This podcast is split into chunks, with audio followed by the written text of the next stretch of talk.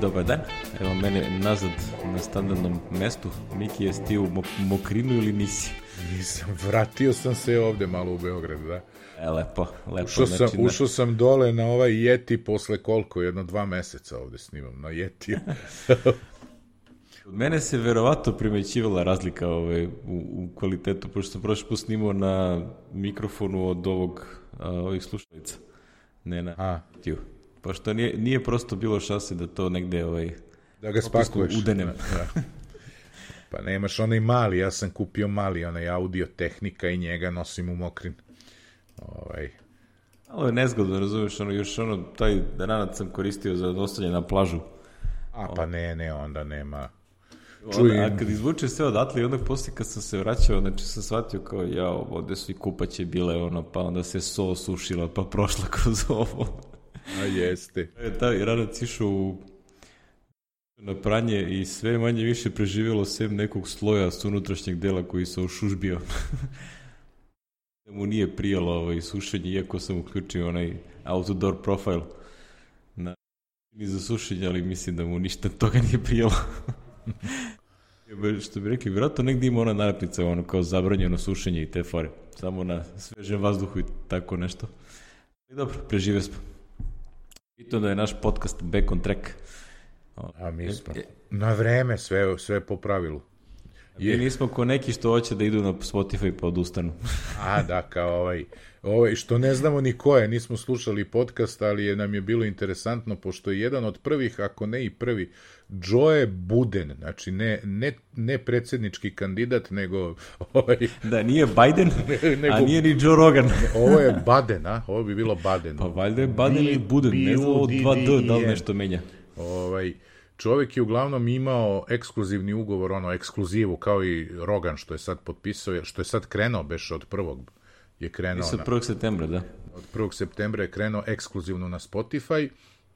Ovaj, tako je ovaj Joe Biden bio ne znam koliko godina, ali kako se zove, njemu se završava 23. septembra taj deal, ugovor i on više neće da bude jer nije zadovoljan sa tim kako Spotify kaže, i pillaging his on the audience, znači zatrpava ih verovatno oglasima i tako. Ovaj. Ono kao otprilike, bili su trebali da dobiju neki bonus, ovaj, pošto su povećali valjda um, podcast slušanost na 900 procenata. Pa cifra, ali te 9 puta. Više od onoga što je bilo predviđeno, što verovatno su imali u ugovoru da on dobiju bonus, pa onda Spotify to nije teo da im isplati sad. Nemam ga kako i zašto pa su im ponudili da im kupe Rolexe celom timu, onda kad su ovi izabrali koje hoće, ovi su rekli, upa, ne može, ti su mnogo skupi. Eto, vidiš. Što otprilike je ono bilo kao, verovatno su bili u fazonu kao, ili to nas zajebavate? I onda su ovaj Joe Baden i ekipa, ili Budens, kako god, ovaj njegov tim odlučili da se predstavlja, mada je koliko vidim još uvijek ne zna gde će da ide. Ah, mislim, može oni indi, to je ono, znaš, to je ono što mi pričamo iz ove muzičare. Dakle, dođi, dođite ovde gde smo mi nije loše.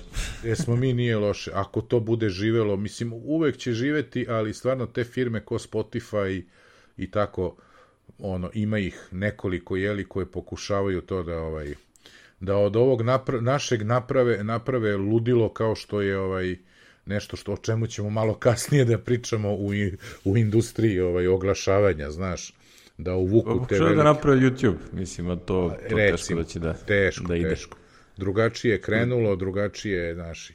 YouTube je krenuo kao ideja, par ljudi, razumeš, i napravili aplikaciju, a ovo je nekako krenulo onako, da kažem, da, uslovno rečeno, spontano, samo od sebe, jeli? ovaj, tako da, ovaj, ne znam šta će biti, ali eto i to se dešava, znači, očekujemo, Joe Rogan je valja na četiri godine potpisao, tako? Pojma ne. Znači, uopšte nisam to. Znam da je prešao, da je dobio 90 da. miliona i kao da. sad. Tako može... da očekujemo tamo za jedno četiri godine, možda on, imam 90 miliona, bio sam tamo, sad mogu ponovo koji pre i tako. jer, jer ako... Evo, bilo dosta od mene, dosta. dosta, da. Vidjet ćemo, vidjet ćemo. Vidim da se ovde žali još neki ono u tekstu ovaj, nekog drugog podcasta koji je bio deo onog Gimlet Media koji je kupio Spotify. Pa su sad u stvari izgleda vlasnici auto, ono, imena što onda ovima se baš i ne sviđa, ali kao, bože moj, tako ste potpisali. Šta da vam kažem? tako to ide, da. Ne znam, sad, sad si me podsjetio na malo priča, Ar Marko Arment je ovaj, se skoro žalio, ovaj, to je lik pomenuo, kaže da ima problem da se njegov novi podcast koji radi se nalazi duplo izlistan na svim listinzima. Znači, neko ladno uzme, kopira epizode i stavlja ih pod drugim imenom publishera. Onda Mark, Marko kaže, kaže, ja imam često probleme sa ovim, pošto on ima onaj direktor i ostale fore, a, kaže, ovaj, 80% tih, da kažem, ukradenih podcasta su uh, hostovani na onom Anchor FM. Znači, što hoće da budu YouTube za podcaste.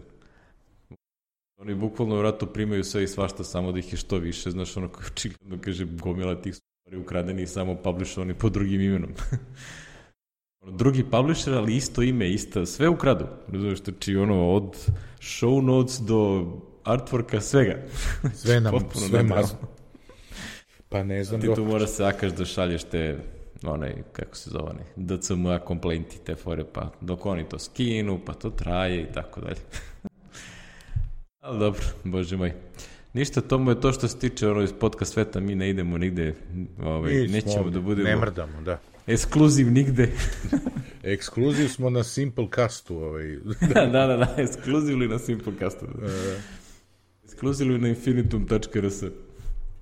E, dobro. Ovo, jedna zanimljiva vest koju si misli ti isto našao, ovo, da je mm. a, zanimljiva, što bi rekli, filmska priča.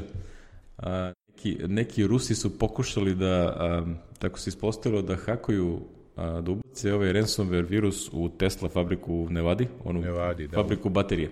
Da, da. Gigafactory.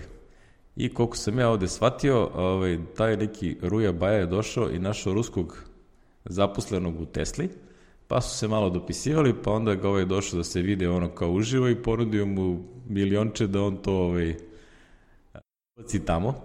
I onda ovaj, rekao, morat ću da razmislim, onda je rekao šefovima, ovi zvali FBI i onda FBI napravi onu akciju sa... I onda su od njega napravili ono undercover agenta, ovaj, stavljali mu ono, uređaje za prisluškivanje, to je išlo kad se nalazi s ovima i tako. I sve, sve to preke, mislim, ono, to bi za Tesla vjerojatno bio ozbiljan problem, ono, da, da ih ugase tamo, ono.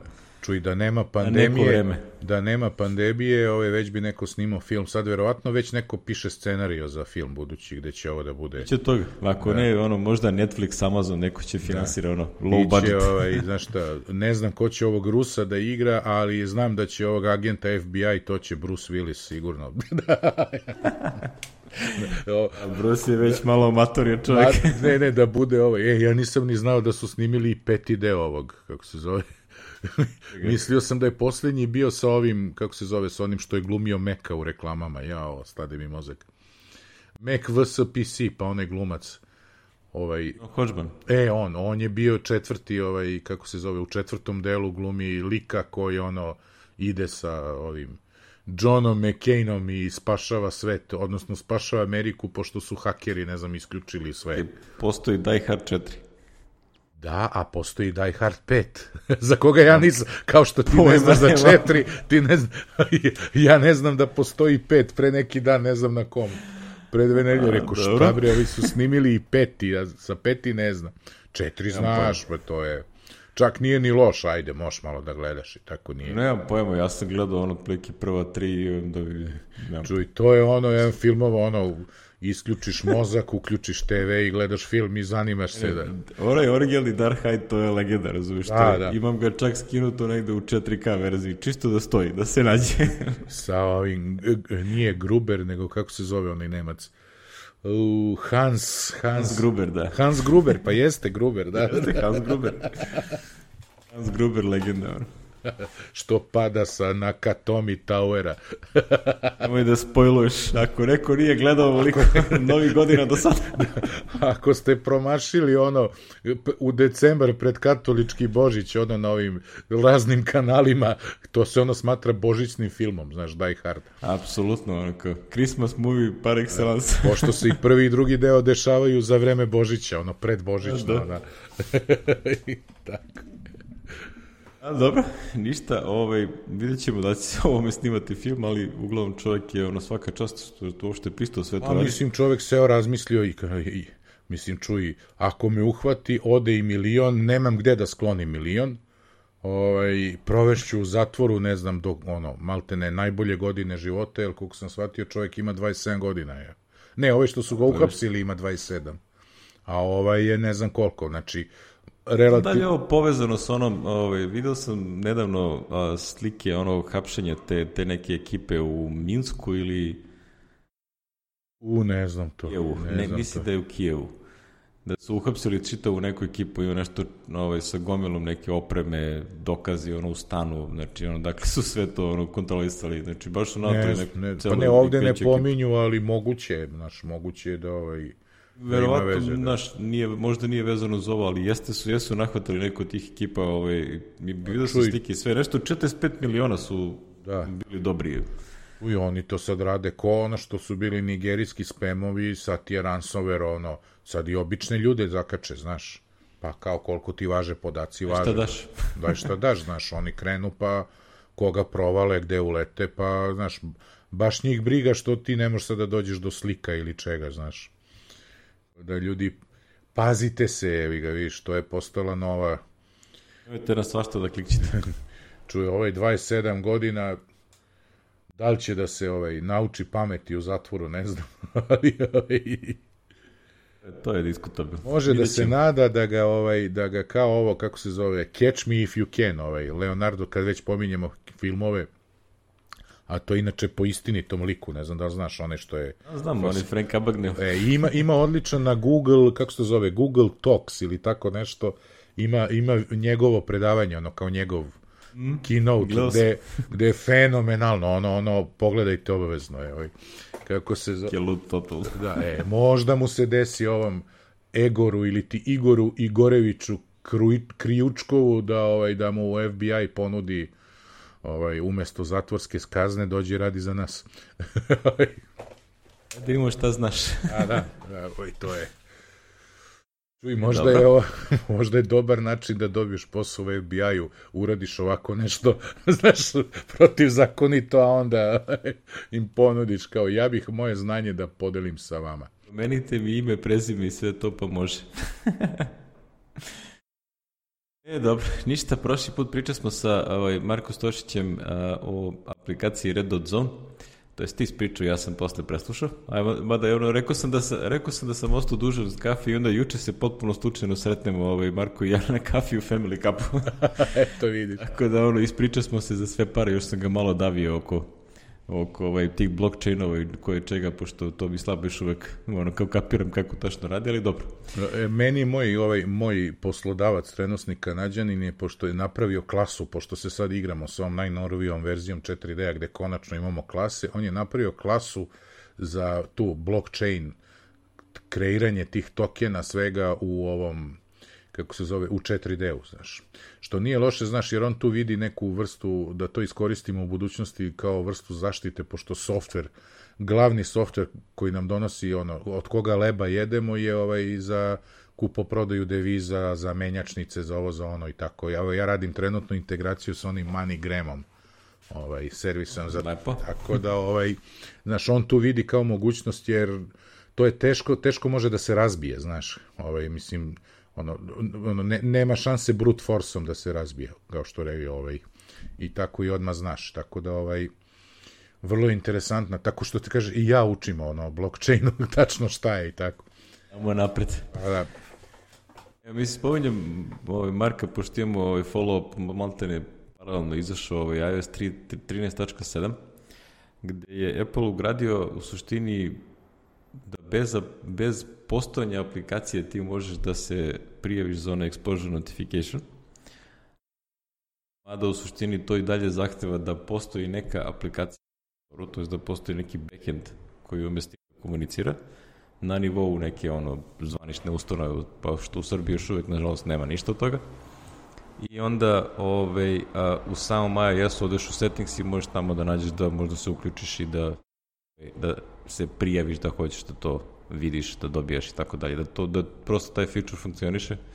Pitao sam Marka, ono kao ovaj njihov sistem može da se proširi da kooptira i ovo, ovo Apple-ovo, pošto je on rekao da njima trebao malo niži iOS, onaj deployment target I rekao je da može, tako da ono, šta ja znam, ovaj, vidjet ćemo da će to kod nas da zaživi ovde u Srbiji, da uopšte se išta pojavi a, nekom zvaničnom nivou, da li hoće, neće i tako dalje. Rekli good luck, ali ono, čisto da, da, da se zna da to sad postoji i u samom iOS-u. Koliko će to da se koristi, dok će se ovo da traje, ne znam. Ako kao, radit će i za druge pandemije, ne samo za ovu.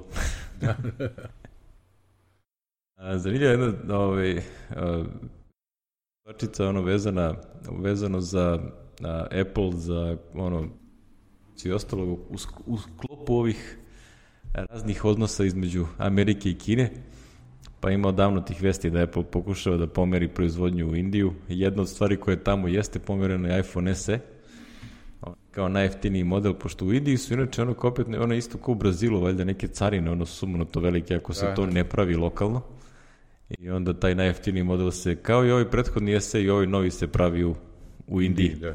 Ima tu i još jedan razlog, znaš, s obzirom na ovo, ovo što se kaže, kreće ovaj trgovinski rat sa Kinom i budućnosti. Ja sam o tome ozbiljno razmišljao tih poslednjih, na stranu trgovinski rat i sve. Apple mora to strateški da raspodeli. E, ne sme da se oslanja samo na Kinu, znaš. Tako da ja mislim da ovaj ovo Indija, ja mislim da će vrlo brzo tu biti ovaj, još neke zemlje iz te dalekog istoka, će imati fabrike za, za iPhone i ovaj za određene modele, jer očigledno, pazi, oni prave SE, C. Znaš, ja verujem da top modele i dalje ne mogu izvan Kine i neće moći još sigurno par godina da prave zbog cele one, više puta smo pominjali ono, kakvu infrastrukturu nude Kinezi, jeli, ovaj, da ti sve imaš u krugu od 30 km i tako. Ovaj, ali ja mislim ono kad ozbiljno, na stranu politika i sve, ali strateški ovaj, s obzirom na, na jeli, ne smeš da se osloniš na to da, da proizvodiš samo u jednoj zemlji. Je. Ne kažem da sad treba, ne znam, da proizvode iPhone u Americi, to ne verujem da će se desiti ne, ne mu kažemo dogledno vreme, možda nikad više, znaš, ali ovaj, kako se zove, ali ovako negde gde su to, kaže, radna snaga jeftinija i to, i dovoljno, jeli, obučena, a kao što znamo, jeli, i ti ja ovoj našoj programerskoj struci koliko ima ljudi iz Indije i Pakistana ovaj, u, jeli, tako da ono, što govori o kvalitetu njihove škole, znaš, ovaj, tako da ovaj, mislim da ima i toga, znaš, ovo je kao neki, gde su ono pominjali, ne su Filipine, još nešto su pominjali da će da, da dižu te fabrike za iPhone. Bila je priča da će Foskon da otvori uh, u Brazilu negde. U Brazilu, jeste, to, da Ali to nešto, odustali su od toga, ne znam, verovatno su naleteli na neku lokalnu korupciju ili nešto što im nije pasovalo, ono, pošto nešto to je... im nije te... odgovaralo, da, o, ovaj, i da, to je... Ali dobro, o tom potom, mislim, vere, mislim skoro se slažem, mislim da njima ovaj, svakako bi značilo da mogu da raspodele to koje kude, pa u slučaju nekog ultra nepredviđenog dešavanja. Nemoj ono, sećaš se ono, fabrika memorija u Malaziji, bio požar, pa skoče cene memorija jednog godina. I pa je ono, kad su bile poplave na Tajvanu, pa sa hardiskovima, pa kad su odlatile cene. Tačno, da, da. To je. To, za te neke stvari uvek može se ono, svašta desiti, tako da, što bi Just in case, Just da imamo case, opciju. Da. E, o, jedna stvar koja je vrlo zanimljiva, a, mislim, naslov je interesantan, kaže, e, Apple gubi a, market share za one wireless earbudove, znači ovo što ide direktno u uši, a, čak bez obzira što AirPods a, a, prodaja raste, znači ono kao prodaje nikad više, ovaj, a gube market share. Što će reći da i ovi drugi su počeli da prodaju mnogo toga.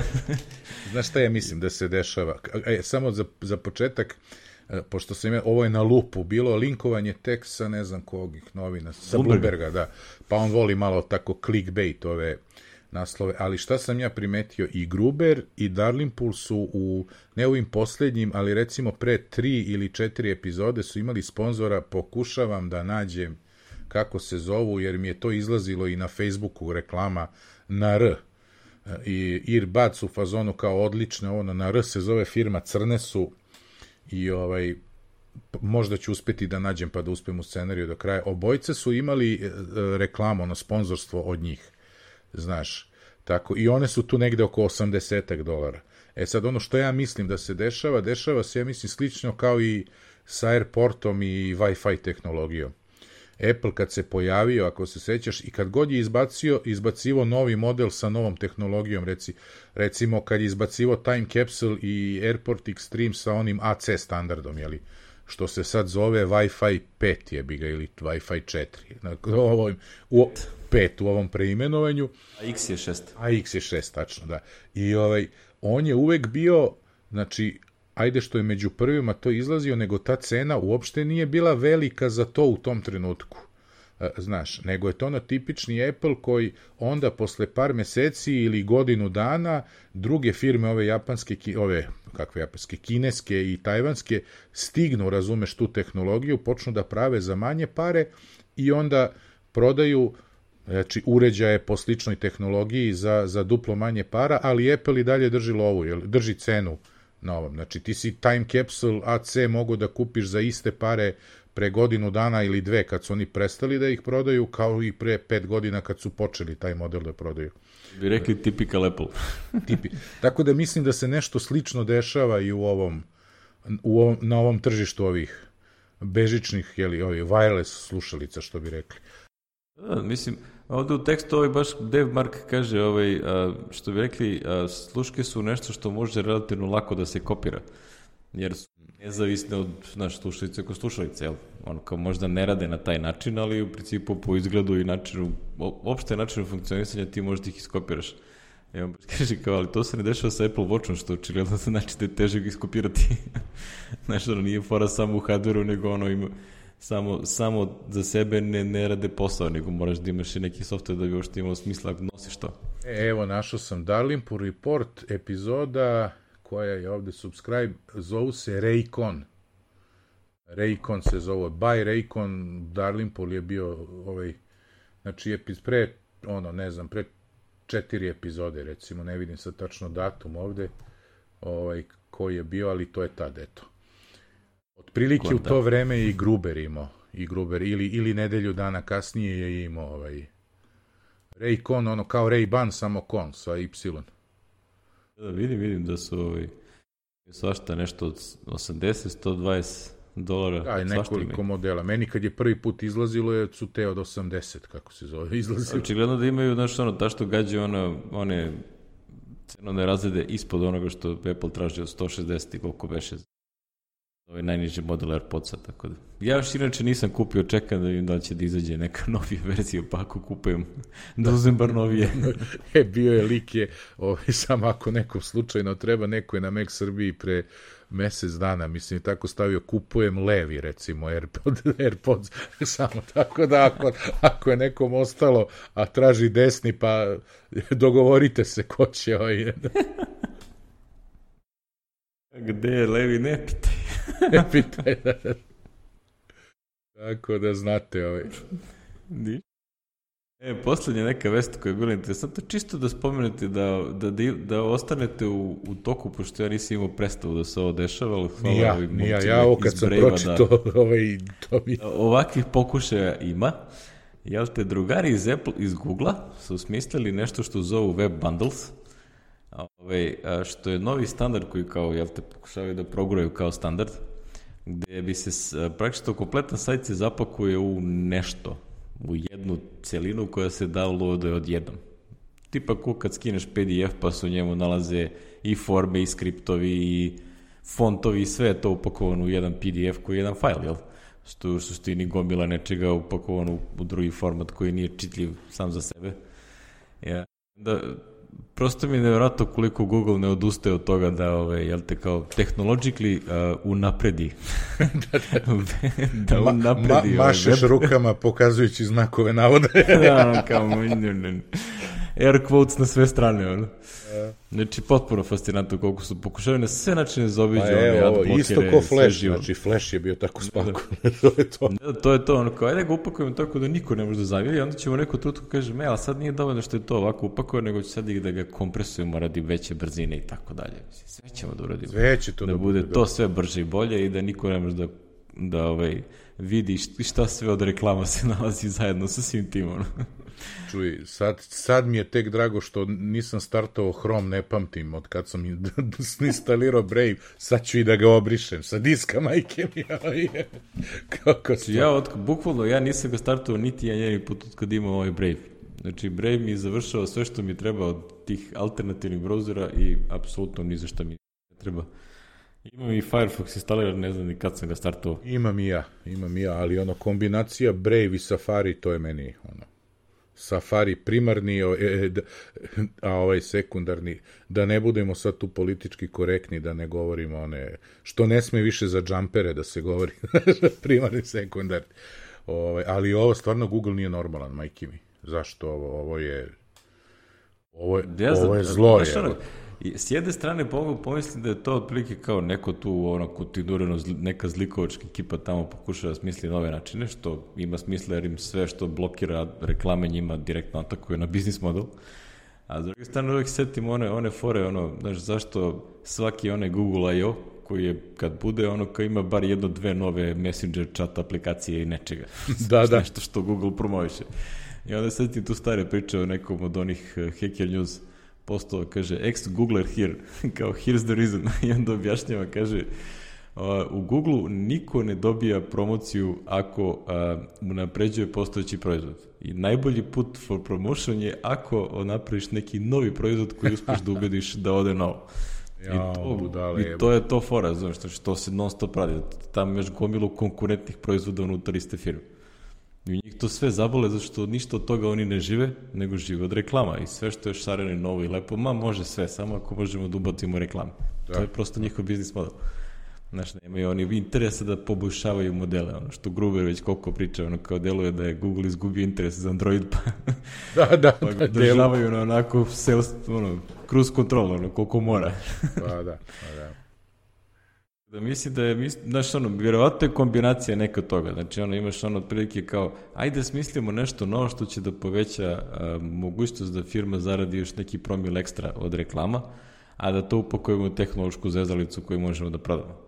I onda sve ove stvari ja prosto mogu samo zamisliti da to. Ne da je neko tamo nužno traži način kako da sjebe web, nego to mu je interes. Znaš, ono, interes, interes, neće onda on Ne vidi ja, to kao sjebavanje weba. Kako nego. da ja postavim veliki bajer u Google? Kako da ne može, ne može web da funkcioniše bez mene? Isto kao što rade sa onim A, A, AMP, oni sajtovi. Obali, pa. Da, da, da. To Skoro da nije uspelo. pa sad ono sa Secure to, ovaj, sa samo Secure u Chromu kao sajti nije ovo, sajti nije ono, mislim, znaš. Ono, ne znam da li je to krenulo ili je to sad oktobra.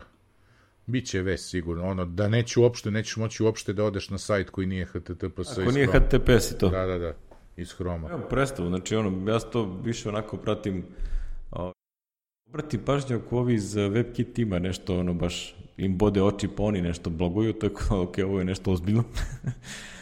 A ovaj, Brave ima, Brave će sigurno da, da ih proiz, ono, proziva za svaku od ovih stvari, zato što njima znači da ovaj, Naravno, mi su... Promovišu svoj brand i plus ono, oni su, ceo njihov browser se zasniva na tome da imaju kao user control da uh, ads i takve stvari. Pa dobro, ovaj, vidjet ćemo. Ali u svakom slučaju kao bu za ovaj web bundles. da, oni imaju user control nad svema, ovaj, tako da meni, recimo, kad embedujem YouTube video u, ovaj, u, u u Expression Engine-u, u postu, u blog postu, ovaj, on ga blokira, ne može da se vidi u Brave-u, nego moraš tamo da klikćeš, da dozvoliš. A da ga enabluješ, a? da ga enabluješ da se vidi, da, ovaj, tako. A dobro, mora, ljudi pokušavaju različite da. ovaj, pristupe i pravi si modele, pa vidjet ćemo ko će kako da prođe. da. E, kad smo kod ovoj priče oko Ovo, možda smo mi bili na odboru pa odmarali, ali ovi advokati i razni... Advokati se nisu. Nisu. nisu, tako da App Store saga između Epika i App Store-a se, to je Apple se nastavila. Ovo, ima ovde simpatičan komik, neko je da, bio vesel, pa je ma, prepisao je onaj Here's to the Crazy Ones. ja, ja pratim ovu, to ovi sa Mac Daily Newsa su svakog dana imali ono link ka najnovijoj karikaturi, ova žena, ona je žena, ova Nitrozak, ne znam kako se tačno zove ova um, umetnica ova što crta karikature i ovaj Trozaken Snegi, ima ih dvoje. E, stvarno, ne znam, ja sam mislio da je ona sama. Gore piše by Nitrozak and Snegi. Eto vidiš što ne znam. Ko je ko, ne znam. Ko je ko, ne znam. Da nije Snegi, ono neki ljubimac, znaš, i to, ali... Možda, ne znam. Oj, oj, tako da ono, u, ono, duhovita je, jeli, često u vodu i ovo je lepa pesmica, ali potpis je najlepši Epic Games Think Difficult. to, to, to mi je bilo, ovaj, kod da smo stavili malo da se nasmejete i pregledajte njene, ono, starije radove, uvek ima neku karikaturu na, na aktuelnu temu. Ovaj, tako bilo šta da se dožava i stilio je onako posebno, onako malo možda vuče na onaj, kako da kažem, onaj, e, klasična ona karikatura, strip karikatura, znaš, ne znam kako da objasnim, takav je stil, meni se sviđa, jeli. Tako da... Što je bilo u novinama, onako tri, A, tri da, da, stripa onako, i te e, forme. tako nešto, da, da, da, to je ovaj.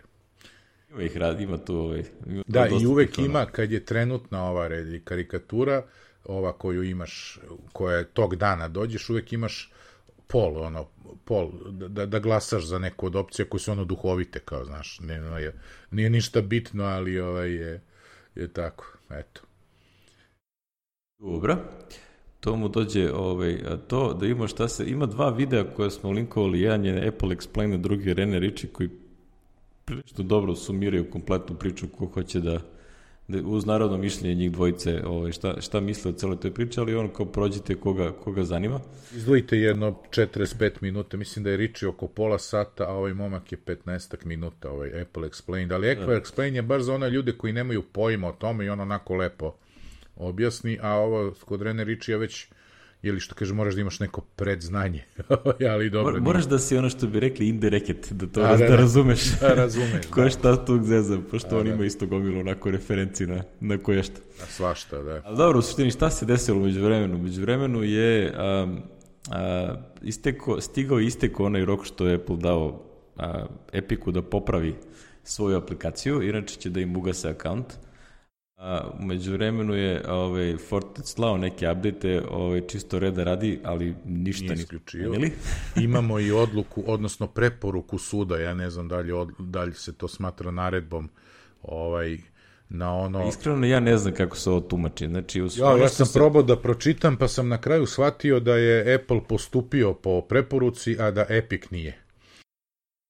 Um, pa, o, o, sudija je preporučio, ne, u stvari, ono što je rekla ova sudica, znači ona je rekla Epiku kao, vi ste ovo sami sebi napravili, pa ako hoćete da se situacija popravi, u, Rešite je, da. A- izađite sami iz A svog s druge strane je Apple rekla da ne, da ne zatvara developer nalog pod kojim, pod kojim je ovaj Unreal Engine, jeli?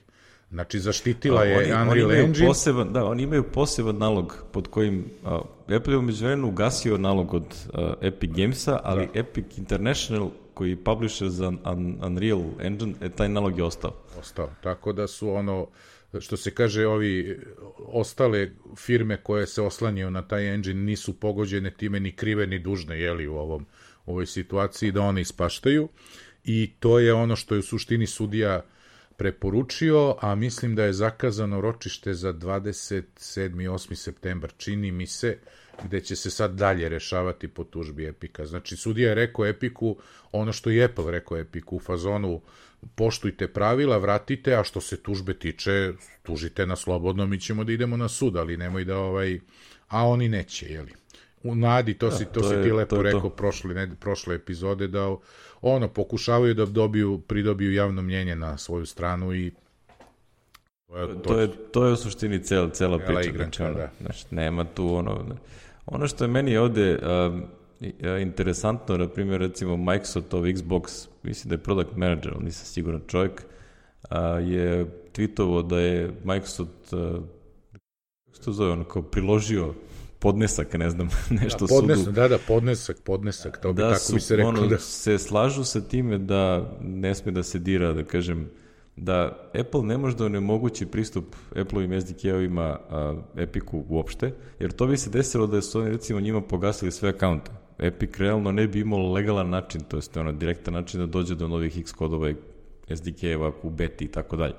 Znači, oni prosto nemaju pristup developer portalu i morali bi tipa ono kao, e, brate, otvori privatni nalog pa nam daj. Razumeš, to bi tako moralo da ide.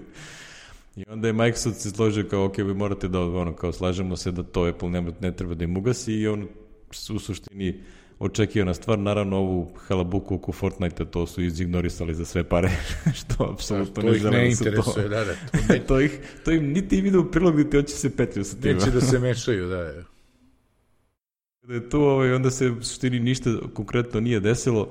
A, ono što je efekat toga je da sad kad Epic Games pusti ovu sledeću sezonu, mislim da su čak već i krenuli, a, praktično čak i ove verzije, a, pričali smo prošli put da se prodaju iPhone telefoni a, sa instaliranim ovaj, Fortniteom, ali to neće raditi zato što a, ljudi koji imaju prethodnu tu sezonu ili update ili kako god, a, Fortnite-a ne mogu da se igraju sa onima koji imaju noviju verziju, na kojoj je nova sezona. Tako da oni mogu da igraju to što su imali ranije međusobno ako to nastavi da radi. Ono što obično rade takve igrice, to sam vidio kod mojih klinaca, je da oni kad izađe nova verzija, na severu proveravaju šta trenutno imaš i onda ti kažu kao je ne možeš da igraš i da instalira novu verziju. Sad, šta će Epic ovde da uradi, ne znam, jer bo ova verzija nema, ovaj, nema update. Tako da, čak i onima kojima je ostao ovaj, instaliran Fortnite, verovatno dogledo vreme neće moći s njim ništa da rade, posto igra neće funkcionisati ta sezona kao, jel, sezona Fortnite više ne, rad, ne funkcioniše, ima novija i pređe na noviju. Tako da ništa što, ovaj, što se tu desi, ovaj, Epic je, da kažem, samog sebe sklonio sa, sa iOS tržišta, dokle će to da im, da im pije vodu, ne znam. I, ovaj, i koliko u stvari to su spremni da, da progutaju a, Koliko su spremni da finansijski pojedu taj gubitak para koje bi zaradili od iOS korisnika? Što nije malo para. Nije malo, znaš, sad je svi... pitanje šta su oni tačno očekivali, mislim, ne mogu da verujem. Oni su se nadali šta, da će sudija da naredi Apple da vrati developer account i da oni, njihov account i da oni proglase pobedu, znaš, i kao da Apple budu vezane ruke. Ako su se to nadali, mislim da su naivni, jeli?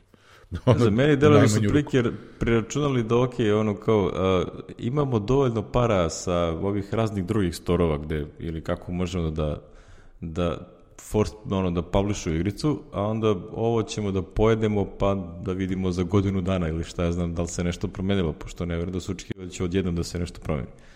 Bar to je bilo prilično naivno, rekao bih.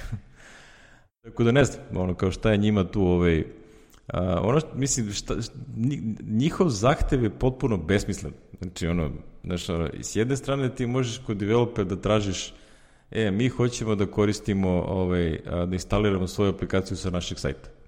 To je, da kažem, ajde da kažem, ono, ni tamo ni vamo validan zahtev kao ko hoće to dozvoli, jel, ko što sam, pre, mislim da sam pričao ranije, ko može, jer to već postoji, taj sistem tehnički postoji za enterprise development. A, ali ono što oni hoće je da Apple njih pusti da oni naprave svoj paralelni app, ovaj, Epic Store unutar App Store. To je potpuno besmislen zahtjev. Sumanuto, znači to je, to je Jer ono što, baš je Rene Riči to navodi, znači oni su to već probali na Google, ne znam, oni su se skinuli sa, Jeste, sa ovaj, su Play Store, imamo kao svoj deployment i onda su shvatili da otprilike kao to su tapšu i to će koriste ono kao IT, da kažem, ekipa. Znači, Neće ljudi koji imaju neke veze s koji... kompjutorima Da, jer klinac kad vidi dozvoli, dozvoli, neće ni da uđe, ma ja ću sa Google Playa da skinem i čao. Ili neću ni da igram. Gotovo, znaš, ako ti imaš, ako si baš ono nek, neki klinac, pa onda ti imaš parental controls, pa kao, e, mo, idi, e, ovi mi traže da, da, da im dozvolim nešto, znači ti dođeš kod neko roditelja i kaže, ma kao, beži bre, ne može. kao, ko znaš to neće. Čoveče, beži bre. I onda su oni u stvari shvatili da njima treba i App Store i Play Store. Znači, prosto njima to treba. treba jer im treba taj onaj osjećaj da kažem ovo je nešto official zvanično, nije tamo nekaj likovi koji nešto hoće da instaliraju. Znači sad ja verujem da Epic Games ima mnogo veći prepoznatljivost brenda, ali opet je ono da im, mislim se više od godinu dana, ne znam koliko tačno kad su oni počeli da nude a, na Androidu da nude... Više, a, više od godinu dana, a pre nešto 3-4 meseca su se nešto vratili na, na, u Google Ja mislim Play. da, da je to u stvari problem. Znači, oni, oni su probali videli da to ni blizu nije onoki, da kažem, market share. Ono, ono što su mislili, od, da, da. Da, koliko će usera da dobiju koji bi kasnije kupovali nešto. I onda kao, ok, ajde da probamo sad ovako, pa da vidimo da ćemo da izbuksujemo da neko natera, ono kao zakonski Apple da i Google da im dozvole da, da imaju competition story i tako dalje. rekli, nije mnogo pametno. A mislim, nije pametno, to, to je ono, to je ono, bukvalno, ja sam ono, tebi valjda ili ne znam kome smo zajedno odgovorili na Twitteru, znaš, ja sam imao onu analogiju sa jeli, hipermarketom kad odeš pa proizvodi, ali imaš još bolj. Znači, ako oni kojim slučajem na sudu narede Apple da to dozvoli, jeli, to znači da će i Google da narede, a to znači da će neko da tuži Amazon. E sad zamisli tamo neki prodavac patika, jeli, proizvođač patika da kaže ok, Amazon mora da nudi naše patike, ali sve pare da idu nama. A sve ostalo Amazon i, znači, card processing i sve, Pa to zvuči nenormalno, a tek bi nenormalno bilo da se to preseli u fizički život, a hoće, jer ako se napravi presedan, samo je pitanje vremena kad će neko nekog da tuži i da se pozove na ovo. Pa onda ne možeš da se dođe, vadiš... Dođe Nike, pazi, da. dođe Nike i kaže ovaj kao ovaj, Walmartu ili ne znam koje, vi morate da nam date, da nam date prostor Ove, mi trošimo vaše magacine, a, a vaše da kamione, da znaš. Pa da.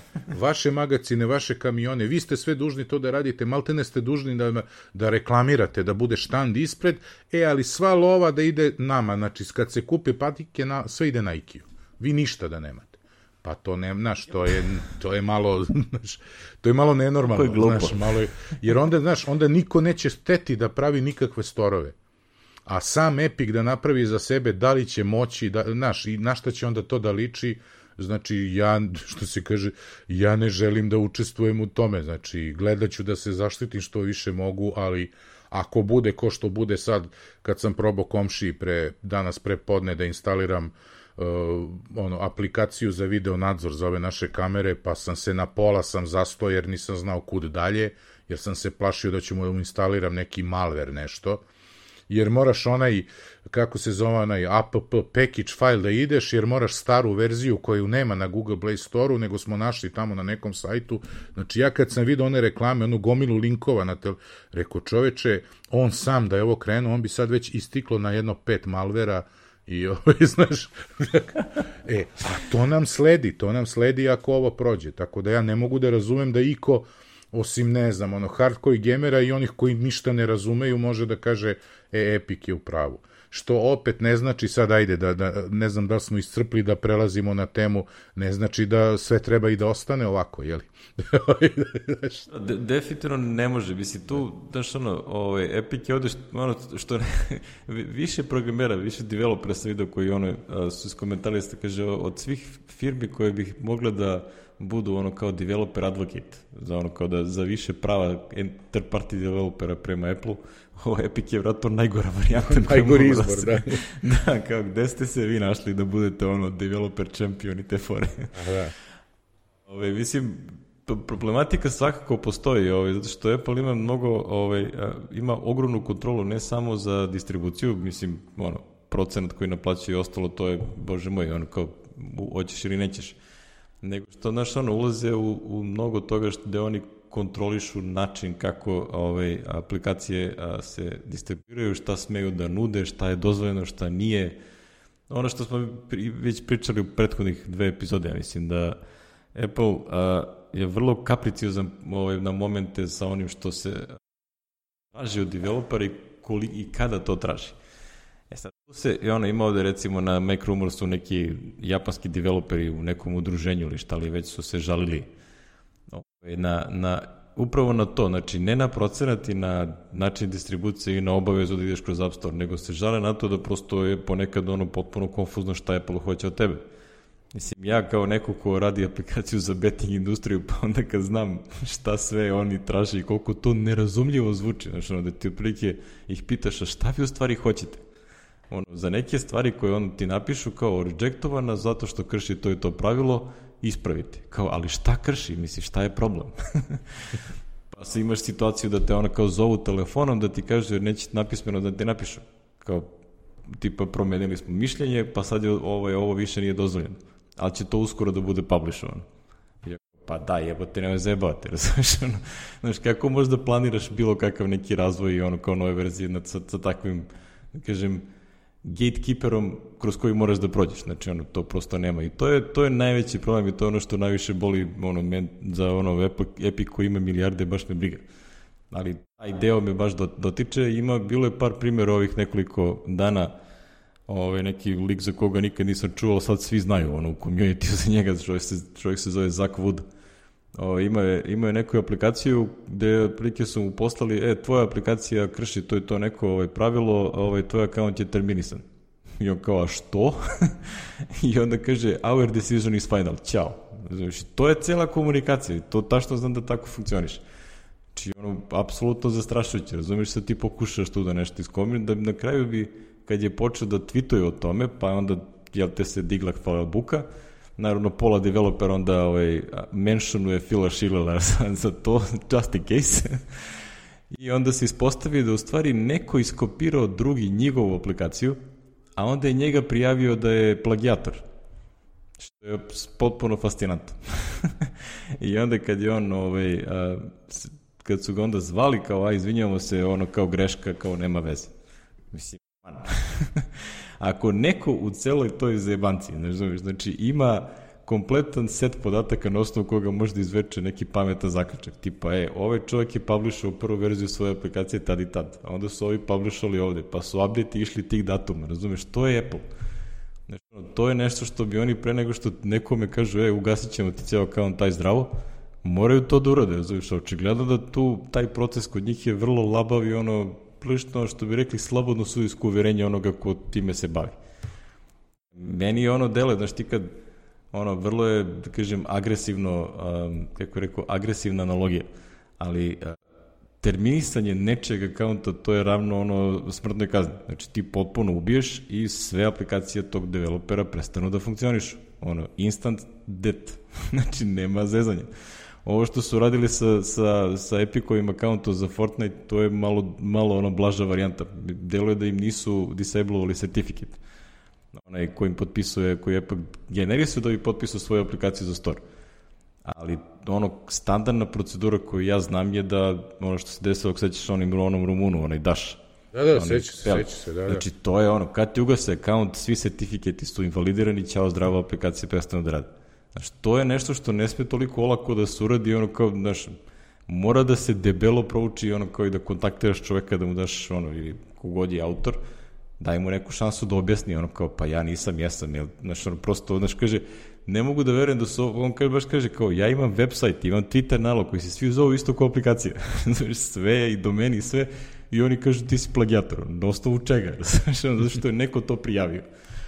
Sećaš što se desilo Jasonu Snellu sa on na, na YouTube? Da, da, da, pričali smo u prošloj što, epizodi, da, da. Što te, je ono... te firme koje imaju takav monopol na nekom, da kažem, oblasti života, razumeš, ono, Apple na iOS App Store-u, YouTube na video tržištu, ono, video content tržištu, znači, prosto to mora postati mnogo čvršća i, da kažem, ozbiljnija procedura nego što izgleda da postoji.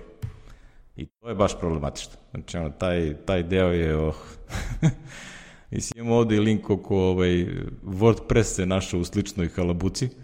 U sličnim problemima, da. Da, s tim što oni su imali drugi problem. Oni su, a, što ovde u tekstu ovom na Verđu ima tu dosta ovaj autor, Sean Hollister je baš istraživao ovaj, onako unazad.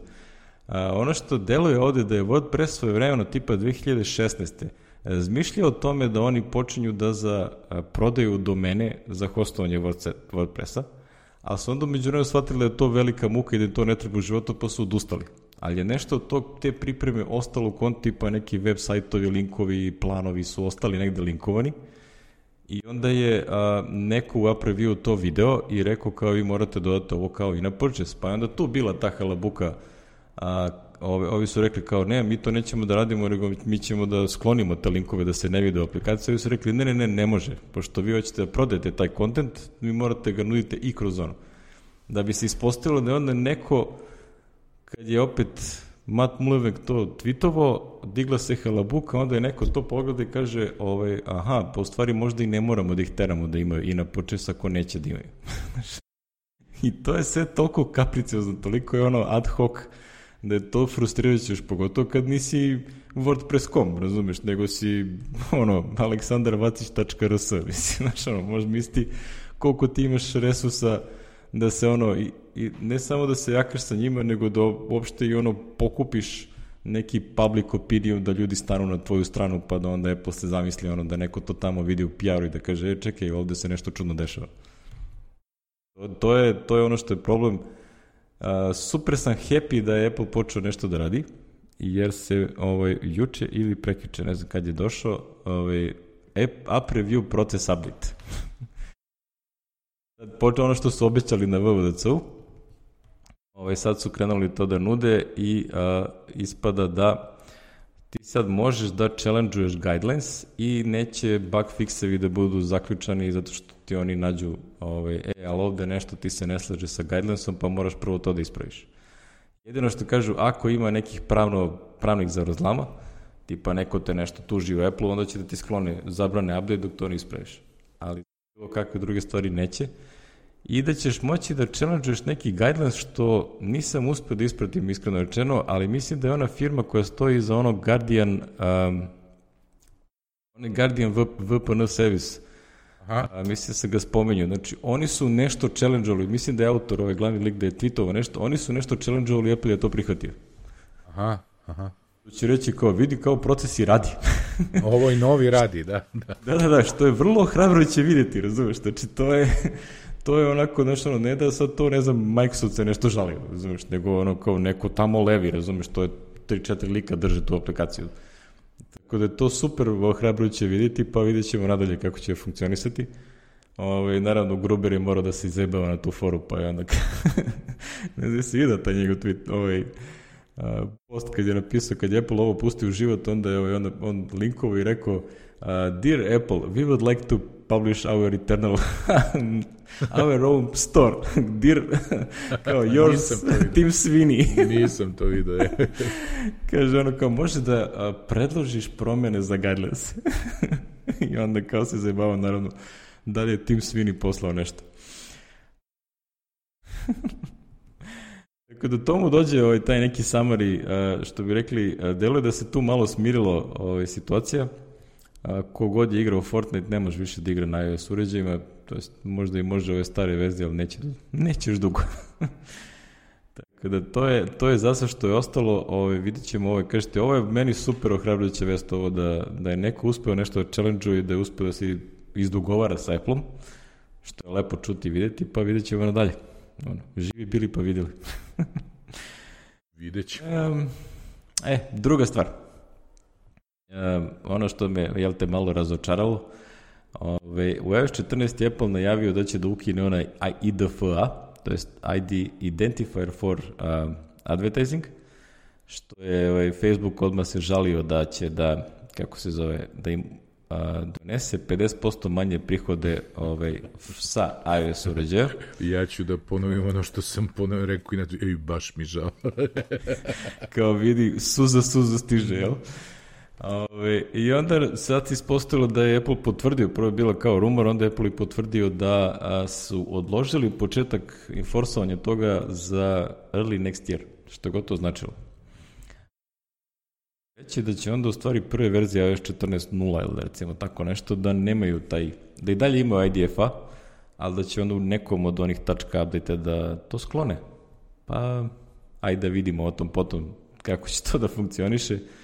A, iskreno, meni je ovo bilo super feature, ono, zato što ovi zlikovci, što reče Gruber, a, u njegovom, ovaj, da kažem, postu kaže, a, ovi zlikovci koji su ono navikli da ono kao sve podatke da u stvari zarađuju na tome, na celoj kao, činjenica da postoji milijarderska industrija koja je bazirana na trekovanju korisnika ne znači da oni imaju prava ni na šta. da, da, da, je to normalno, da. Ko kaže da je to normalna situacija? Kaže, to prilike ne bi trebalo nikad i da funkcioniše na taj način. Ima ovaj Apple spot, ovaj novi da, privacy that's da iPhone. reklamu, sine do jaje. My social security number is da, da, da. Kao, moj kreditni broj je taj, taj i upravo sam kupio to.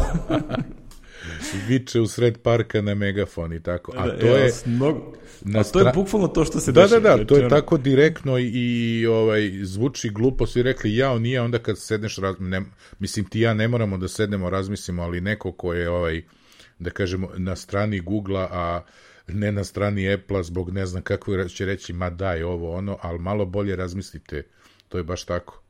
Znači, vičeš, Bukvalno je tako, sve. znači, znaš, tipa ti nešto kupiš u jednoj radnji, a tamo u onoj nekoj 50. radnji na, u drugom gradu, ono kao oni znaju da si ti kupio nešto od nečega što oni nude, pa ti onda postoju reklame, kao je, mogo bi kod nas da kupiš. Znači, ne, lepo je Gruber leko da kaže... Da njihove radnje vičeš kao ja sam da, kupio to i to. Vrhunac svega bi bilo da vam to nudi i kad ste već to kupili, kao što vam inače rade isto na ovom, jeli? da, ti, da, da, ti kupiš i, i dalje te guše istim reklamama neko vreme, jeli? To je ovaj...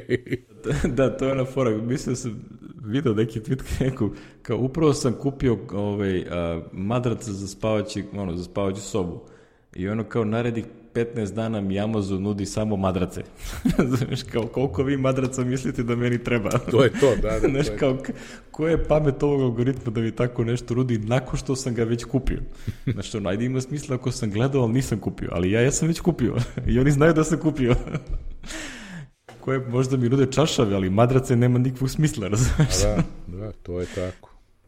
Kada ono, to, te, taj ceo trekking ove industrije je potpuno ludnica, ovaj, Ima fantastičan blog post ovaj, ovih, uh, ove dvojice švajcaraca koji su iz uh, ovog IA uh, Inc, ovi što aha, prave aha. IA Writer. Da, da. I ovaj prvo je tweetovo jedno dvadesetak tweetova, ono ceo neki thread, ovaj, gde u stvari proziva Apple ovaj, a, zašto mi svi plaćamo za razne in purchase subscription i ostalo, pa vam plaćamo 30%, a onda bukvalno je linkovo stranice kako Facebook prodaje reklame Možeš unutar Facebook mm. aplikacije da kupiš reklame i za to nije da, da, da, platiš ono Apple. 20 Kao, dolara ako da reklame izlaze. nisu digital good, šta onda jeste? Da, da, to je. Mm. Ima jako dobro ovaj, složio čovjek ono tu priču i stvarno ima smisla, razumeš, ono kao Facebook ono zaradio silne milijarde ono kao celog tog ovaj, biznisa, a ne plaća Apple ništa, mislim plati 100 dolara godišnje da, za developer program.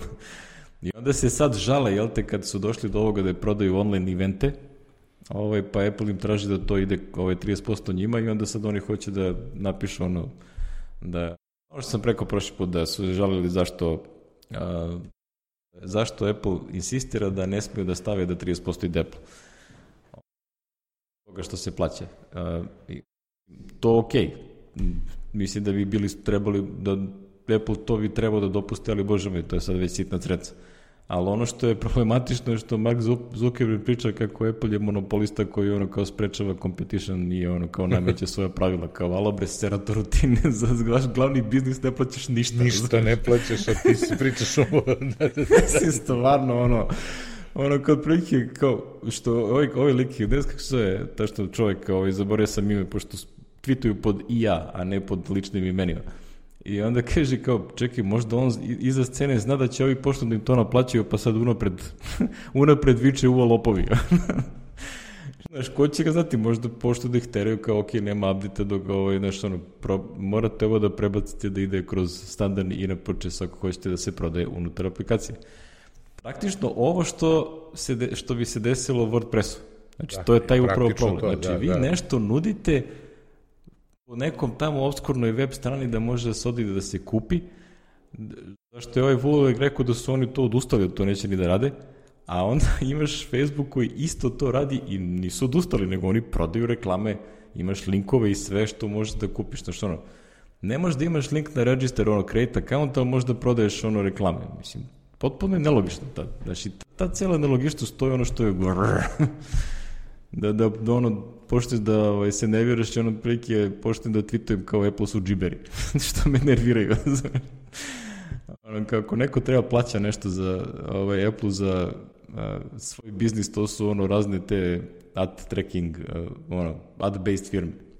Znaš, ono, tipa, ne samo ovaj Facebook, a, inter, ovaj, Instagram, Pinterest, znači svi ti koji žive od reklama i tiga što imaju customer acquisition kroz iPhone uređaj i ovde ovaj čovjek iz IA ovaj, našao neke linkove i neke market research ovaj, istraživanja gde se dokumentuje da ne znam, Apple-ovih 13% globalnih smartphone korisnika vredi ono 10 puta više nego svi ovaj nego svega što ima Android na primjer.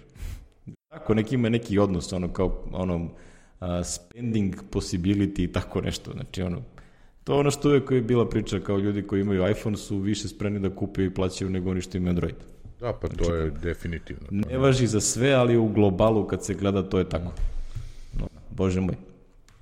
Tako da, mislim, a, ne znam, ne znam da što ono šta ovde više ima reći, čisto možemo da linkujemo u nekom narednim epizodama ovaj, ta neka zanimljiva razmišljanja na tu temu. Ja sam ovde stavio, recimo, ima sjajan tekst Bena Thompsona na Statekeriju. Uh, Rethinking the App Store, gde on mm. ima sumarno ono kao, znaš, ono kao predloge i nešto šta bi moglo da Apple uradi da App Store ima više smisla u odnosu na 2008. kad je smišljen, kad je napravljen. Pa znaš šta, od kad si ti izneo svoj predlog u našem podcastu, odnosno na, na tvom blogu, ovaj, ja, ovaj, ja sam, što se kaže, ja za, za to glasam, ali nažalost neko je stavio survey, ono, pol na Twitter, ali tu tvoju opciju nisu opisali, nego je bilo... A, dobro. Mislim, Tako da sam kliknuo smanjiti na 15%, to mi je sledeća varijanta. Znaš, da, da. Ono, ono, Mislim, znaš, ono, ja kad, kad razmišljam o tome što se ja predlagao, mislim da a, a, to bi Apple mogo da implementira tehnički. Ono što me tu sad a, možda problematično je više računovodstveno. Mm -hmm. a, znaš, tipa, šta znači da recimo, ono što ja rekao, da imaš cene na razrede, ako neko zarađuje na godišnjem nivou, ne znam, upam 50.000 dolara, ovaj, onda ne bi trebao da plati, ne znam, taj fee ili ono, kad pređe 100.000 da plaća ne znam šta i tako dalje, ali u suštini kako će ti sad da to ručnovodstveno da naplatiš unazad? Znači, ono, verovatno tu postoji neka zvrčka koju ja ne znam, jer nisam ekonomista, ali vero, jedno računovođa, ali nešto tu sigurno postoji što možda bi im napravilo problem ili kako bi oni to, ono, ja verujem da to možda se izvede nekako, ali da pitanje je koliko je to komplikovano. Ono, to je samo pitanje, ako hoćemo to da radimo, koliko dobijamo dobrog PR-a, ovaj, a što ćemo muke da imamo sa druge strane da to ovaj, pravno, ekonomski i tehnički implementiramo. Ovaj, ja verujem da je to ono, da bi to dosta značilo ovaj, i Epuko ovaj, za, za dobar PR protiv ovakvih Epic, Spotify i ostalih ovaj, tužbi. A, e sad, ovaj, koliko to je izvodljivo, u pravno-ekonomskim okvirima ne znam. znači, to mi ni... To je znači, lako meni da predlažem znači, ono pitanje koliko treba neko to da implementira i da neko aminuje tamo, ok, ovo možemo da radimo, neće niko da nas tuži ni za šta. Znači. Znaš, tipa ti ono kao šest meseci ne zađeš ništa, onda napraviš hit aplikaciju i zaradiš brdo para. kao kako da ti, gde da te računamo? Da ne ovaj, u svakom slučaju biće, ovaj, a, biće zanimljivo. Ono što kažem ne bih voleo da se desi je da ovaj, političari krenu da ovo zakonski uređuju, a mm, da. ovde da, da. nekolike da. linkova gde to da. stoji onako iza horizonta. Ono. da svako juri svoju agendu, čitaju u zagradi e, svako da ovaj da ispunjava obaveze prema svom lobisti. Znaš, to, to ne... O, mislim, to, to, to pogotovo, razumeš, da, ono, ko što ima, recimo, Vidim da ovaj, taj neki, ovaj što je bio valjda jedan od tih što su radili ovaj saslušanje ovo u Senatu, mm. taj antitrust hearing, ovaj, već priprema neki bil koji će to da, da, da mm. proba da progura kroz Senat. Koreja nešto istražuje, vidim da danas je grube linkovo da Rusija ima neki predlog u parlamentu, pitanje da li će to prođe ikada da se ovaj, u Rusiji da ne može bude 30 nego 20. I to je najviše što App Store možda to, ne plaća. To nema, dobro, ajde Rusija, svi znamo kakva je Rusija, ali to u, da kažeš u, u zemljama, ne, ne možeš ti to da narediš bre dekretom, nisi u komunizmu, čo, mislim socijalizmu. Znači, nema znaš, ono, prosto, tu sad svašta ono... se dešava, pitanje, znaš, ono, to je, Što on kaže kao, ok, za neke manje zemlje Apple može da kaže, ok, we don't give a fuck, ono kao zatvora story nema. Znači, tu i dalje ostaje, svi kažu Apple, Apple. Ja ne znam koliko je Apple krivi, koliko je hteo stvarno. Ja nikad nisam stekao takav utisak da je Apple želeo da, ne znam, da, da, da aplikacije koštaju dolar dva jebi ga.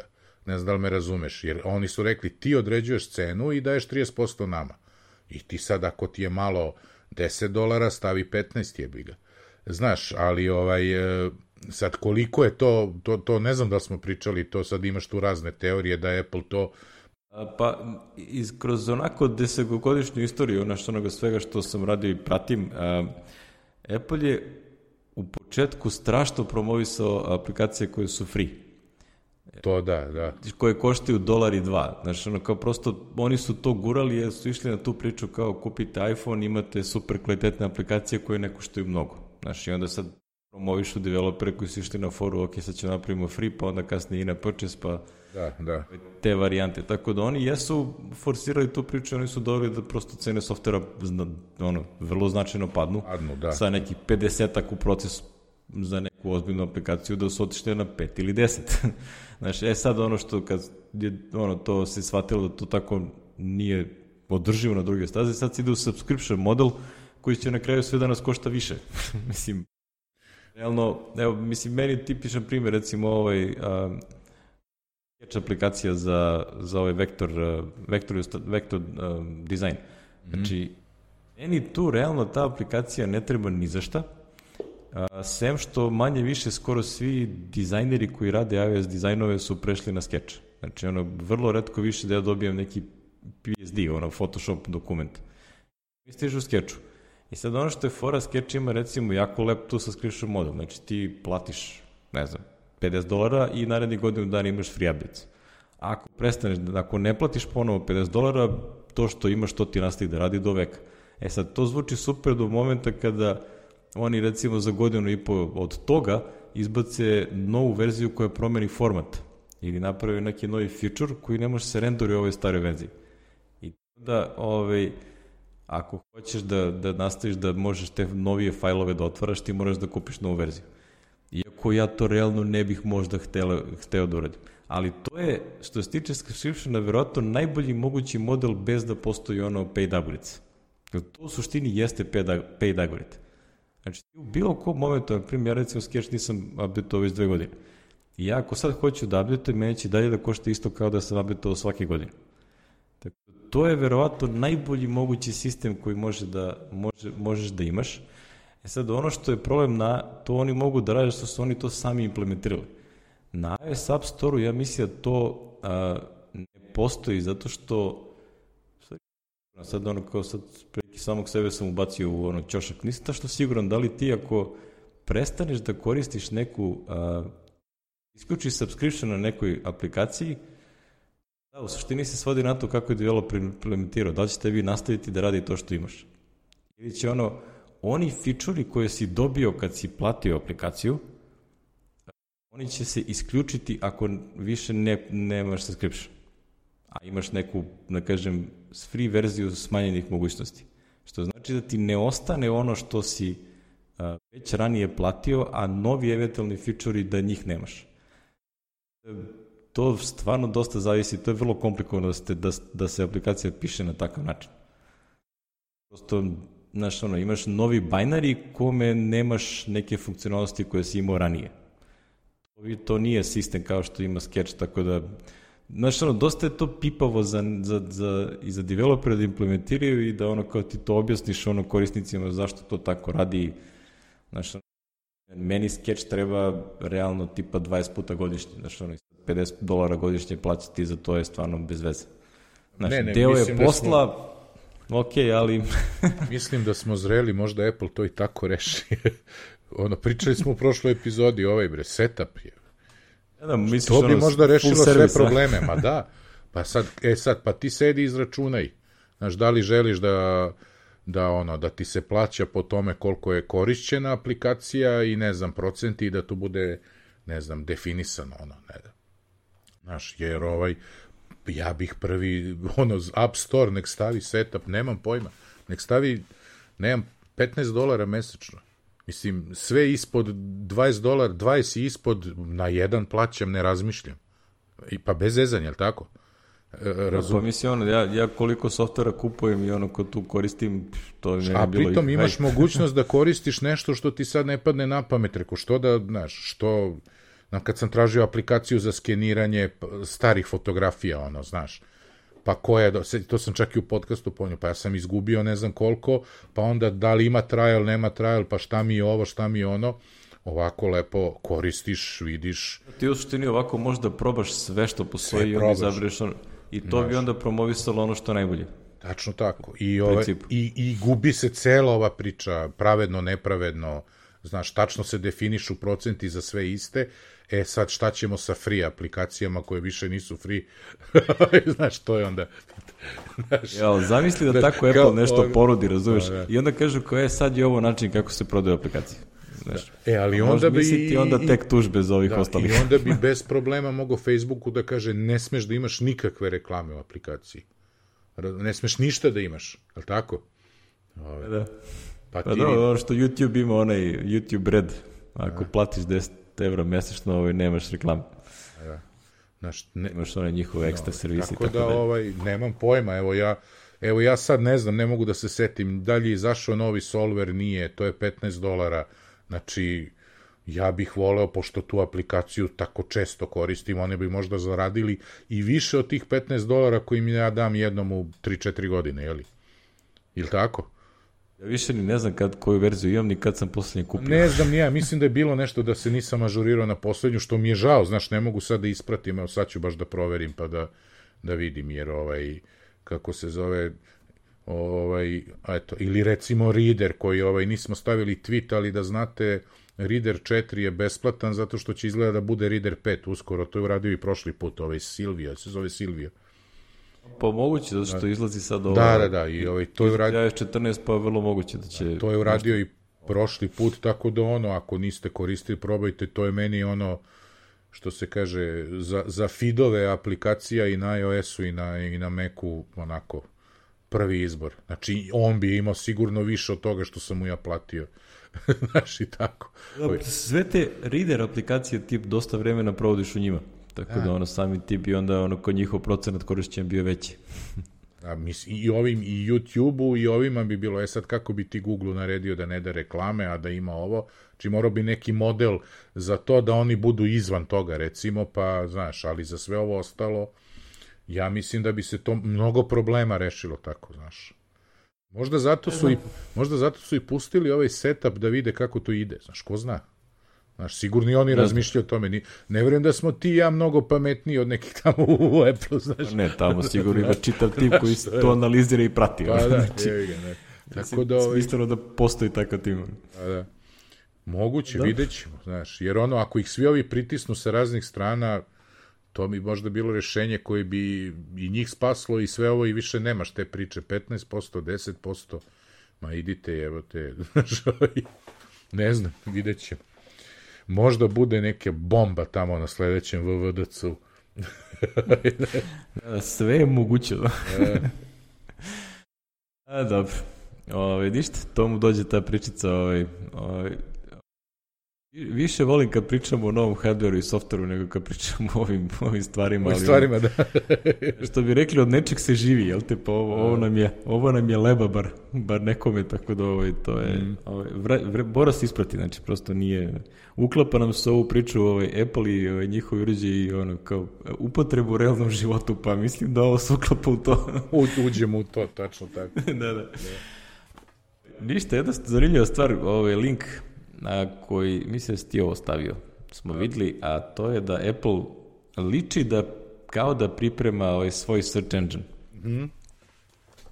Jel te Google daje ovaj poprilične pare Apple da su i dalje default search engine ovaj, na, na iOS-u, to je tu stariju, e, tako da moguće, sad ne znam da se sećaš da pre nekoliko godina smo nešto isto o tome pričali, da se ja naišao na linku nekog lika koji je imao, ne, više se ne sjećam, znači imao je neke veze sa Apple-om, pa je onda ovaj, bila priča da u Apple-u već odavno postoji taj neki search engine tim, a, moguće da je to umeđu vremenu se raskantalo, pa se napravio novi tim i tako dalje.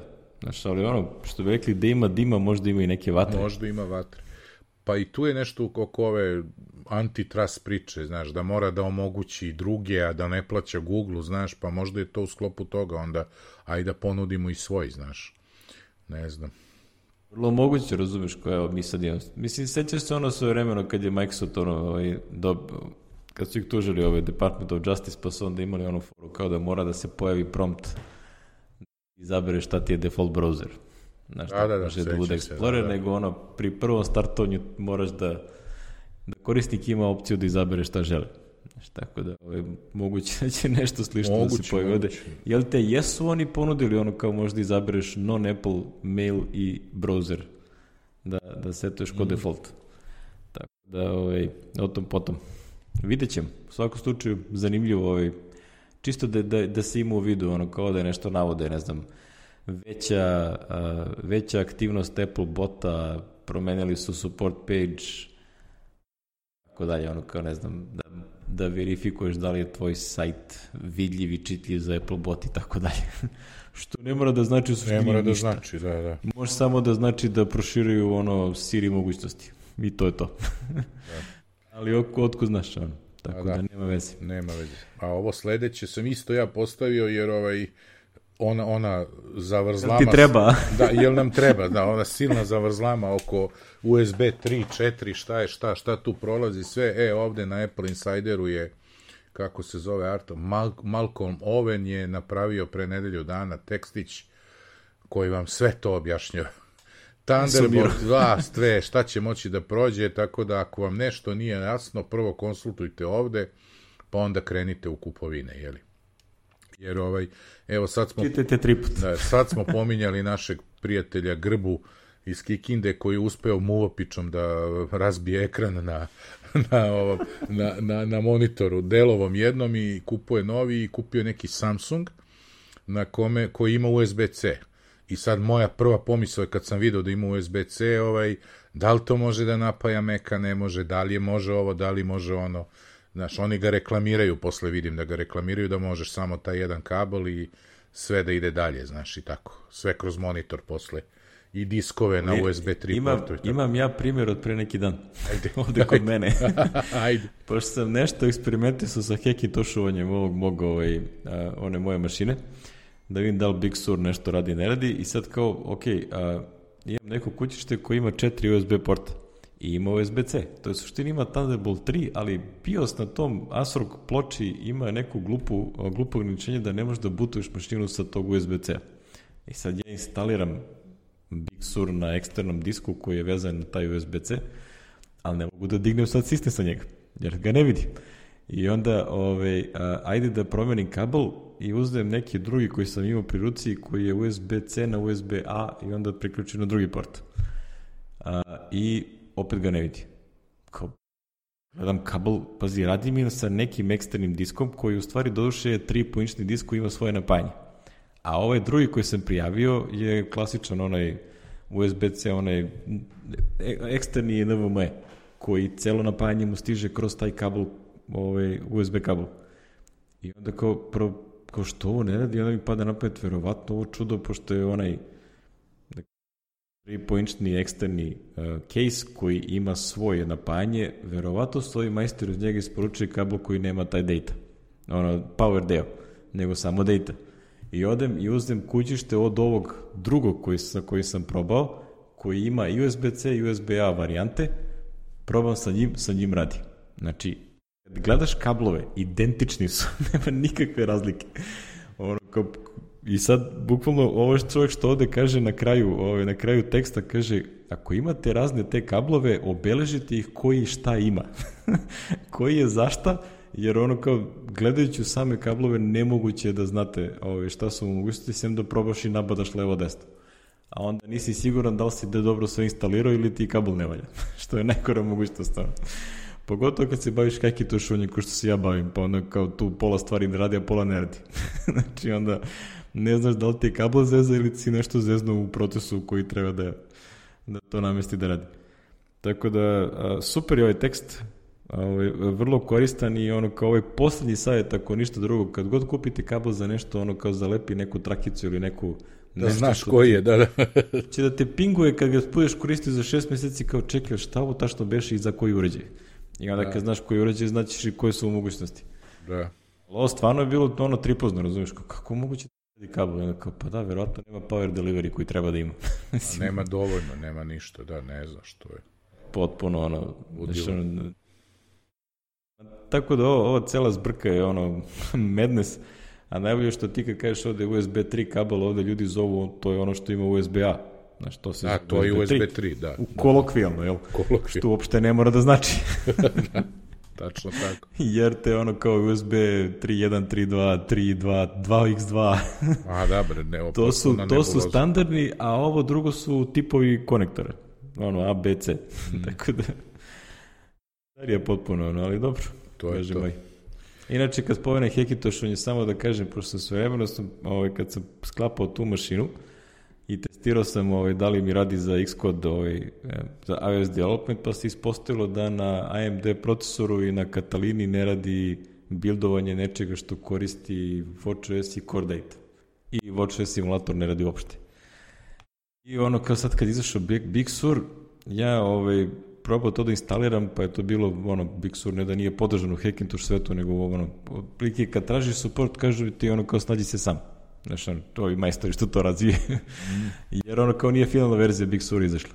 I onda ja pitam nekog lika na nekom Discord channelu kao, jel imaš, ako imaš Xcode, ajde probaj ovaj, samo uradi build ovoga.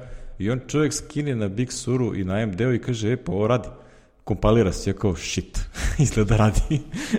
Znači, nešto su promenili u Xcode 12 i u Big Suru, tako da ono što mi ne radi na Katalini Xcode 11, sad ovde radi. Što reći da moj ovaj, mogući Hackintosh za, za development možda oživi. možda oživi, a? Da, da, možda ima nade, tako, pošto ono nisam hteo da kupujem ništa od Intela i tih stvari, još uvek stoji opcija ta da će ovaj, možda da pazarim ovaj iMac, ovaj aktualni Intelov, Ako ne za mene, onda verovatno će Ani trebati. Ali ovaj, ono što bi ja najviše volao to je da je o stvari sebi sastavim neku ono 16 kora u AMD mašinu koja će onda biti super iz igrice i za sve. Za LT Age of Empires 4 kad bude izašao konačno. A, ovaj, a da se koristi umeđu vremenu ko ovaj, LT i paralelno sa tim kao evo, iOS, macOS, WatchOS development mašina.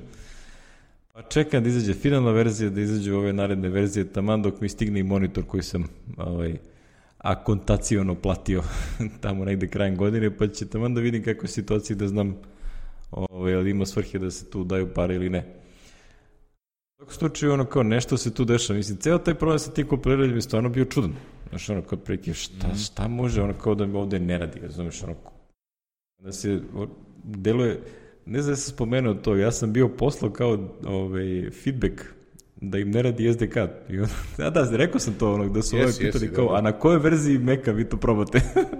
Koji tačno model? Ali dobro, ne, no, ko zna, da možda, deluje mi kao neka glupa greška, pošto jeste radilo u Mojave sa Xcode 10, u Katalini nije radilo i sad ovde opet radi. Znači, meni tu deluje da je to prosto neki, ono, znaš, neko je promenio assembly deo koji zove u Intel procesoru, a koji sad ima i na AMD-u. Nešto je tu promenio, tako da, eto, čisto da znate da ko je pratio Hackintosh sagu ono, na mom blogu, možda se ovaj, pojavi još neki blog postovi vezani za to. Živi bili pa videli. Živi bili pa videli, da, možda. Je mogućno. Kad već spominjamo nove Apple-ove procesore i ove, ovaj, nove Apple-ove mašine, Da, moji 4D... Tvoji, tvoji drugari su nešto da, blogovali. pa javno su se izjasnili, ovaj, oni su rekli na, to je bilo na forumu, je neko rekao temu, odma čim se, ja sam čak mislim i u podcastu to i rekao, da su oni odma naručili ovaj, ovaj developer toolkit da im je stigao i rade na tome i sad pošto je par ljudi pitalo na forumu nije im jasno, znaš, nemaju sami da sedne da sednu i da razmisle i onda su ovaj oni morali javno da izađu na blogu sa planom i, i kao zašto i šta.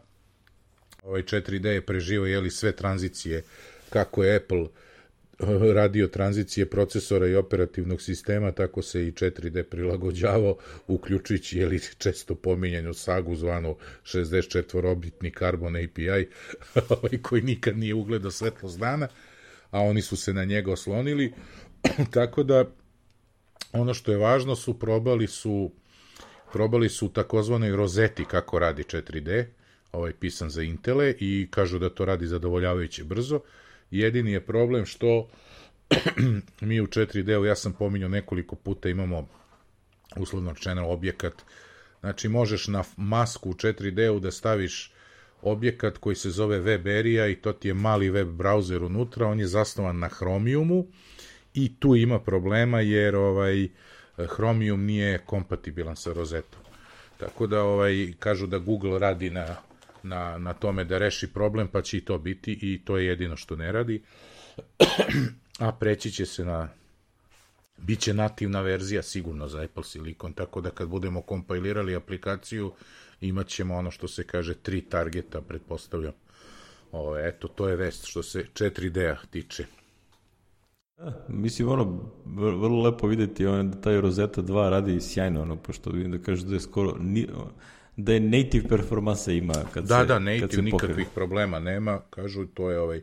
Nice. Pazi, tako je bilo i sa onim, ovaj, i sa onom rozetom, nije, nije nešto mnogo usporeno bilo, znaš, to je ono, pa nema šta 4D, kako da ti kažem, on je ono, baza podataka i ljudi misle sad to treba nešto da krančuješ podatke, sve, a tu se više od dve trećine vremena korisnici troše na, na unošenje podataka i na, i na neko pretraživanje. Znaš, eto, to je ovaj, to je ovaj, nije ono da se nešto non stop radi i tako, ovaj, tako da neće tu biti problema. Ovaj, ja imam, imam apsolutno poverenje u njih. Ovaj, što se toga tiče. Kako si sad lep šlagvort dao za prelazak na ovaj ovaj sledeći tekst o blockchainu. O blockchainu, to kad sam pročito, rekao čoveče, kad sam našao, ovo sam čitao onako baš, ovaj, što se kaže. Ali, ali ne, či ono kao kraj, početak i kraj teksta, ne znaš, znači gde ovaj čovjek spominje taj neki primjer ovog nekog danskog, to je holandskog o, inca interna koji je napravio nešto za taj njihov neki Mother Care ili kako se zove, Da, da, nešto, nešto je napravio da. za dodelu dečje pomoći. I kao to je na blockchainu, bla bla truće. na kraju teksta kaže intervju sa tim likom kaže kao, ali na kraju se ispostavio da vi nikakav blockchain niste ni koristili. Pa kao, jeste, znam, ali bilo je to priča u početku, ali ja sad kome god da kažem, svi mi ignorišu. Znaš, kao, ja, ja to ne koristim, ali nema veze, razumeš, to je, kao, za, nije ni bitno u suštini zato što prodali smo priču, neko je finansirao ovu aplikaciju, svima koristi, who, who cares? to je sad buzzword za dobijanje para, da. za dobijanje budžeta, razumeš? Budžeta, da, da, da, to je tako. Možeš ti kažeš sad kao pravim SQL bazu ili nešto kao sad imam blockchain. Blockchain, Mislim, evo, ovaj, Zato i hoću što se kaže bolje se upoznam jer ja ne vidim kako to možda zameni, znaš, šta je to blockchain, mislim, menja sve, šta menja sve, ne razumem. Mislim, da. ajde na, na stranu što je tekst onako dosta šaljiv i onako više da. se sprda sa tim celom pričom, ali u suštini ima i, kad pažljivo čitaš, ima nekih stvari koje su, gde na, koje navode ono vezano za Bitcoin, recimo, kao jednu implementaciju blockchaina, koje su vrlo validne stvari, razumiješ, validni problemi. Ti kad nešto upišeš transakciju u blockchain, ona ne može da se revertuje. Znaš, prosto, znaš, ne možeš da je ukineš, ono, kao kaže, ti sad kao pošlješ nekom pogrešno pare i onda banka to može da stornira, da ti vrati pare i da ode, znaš, da prosto stornira transakciju. Kao, to ovde nije moguće. Znaš, prosto to je otišlo. Zato svi ovi skemeri, ono, ransomware i ostali svi koriste Bitcoin, jer jednom kad prebaciš pare više ne mogu da im se, vrat, da im se otmu nazad. Znaš, ono, kao zovem tvoju banku pa mi ona vrati pare. Jedino on može drobo, dobrovoljno da ti vrati, a neće. Zašto A bi to neće, radio? A neće.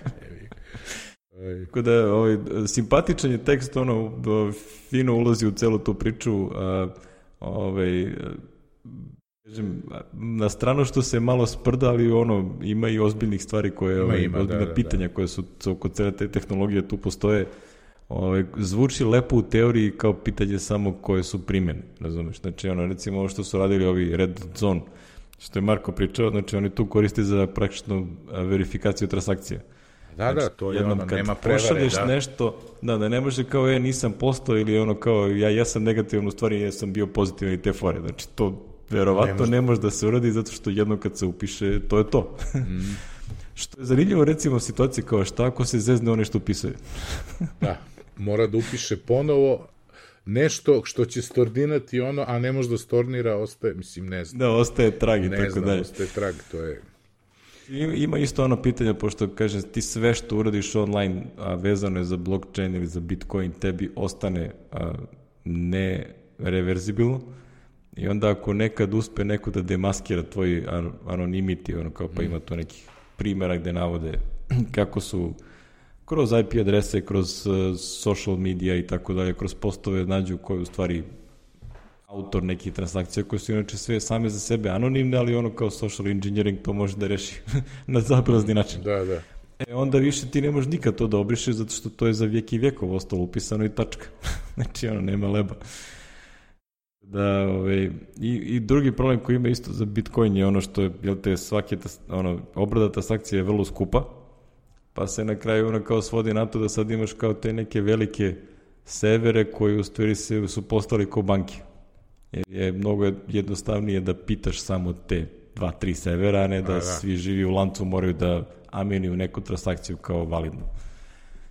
itd. Sad ono, kao možda sam i lupio nešto, ali Da, da, da, Ovaj- su, to je to, to je to, ja mislim. Pokušavam da shvatim, jel ti?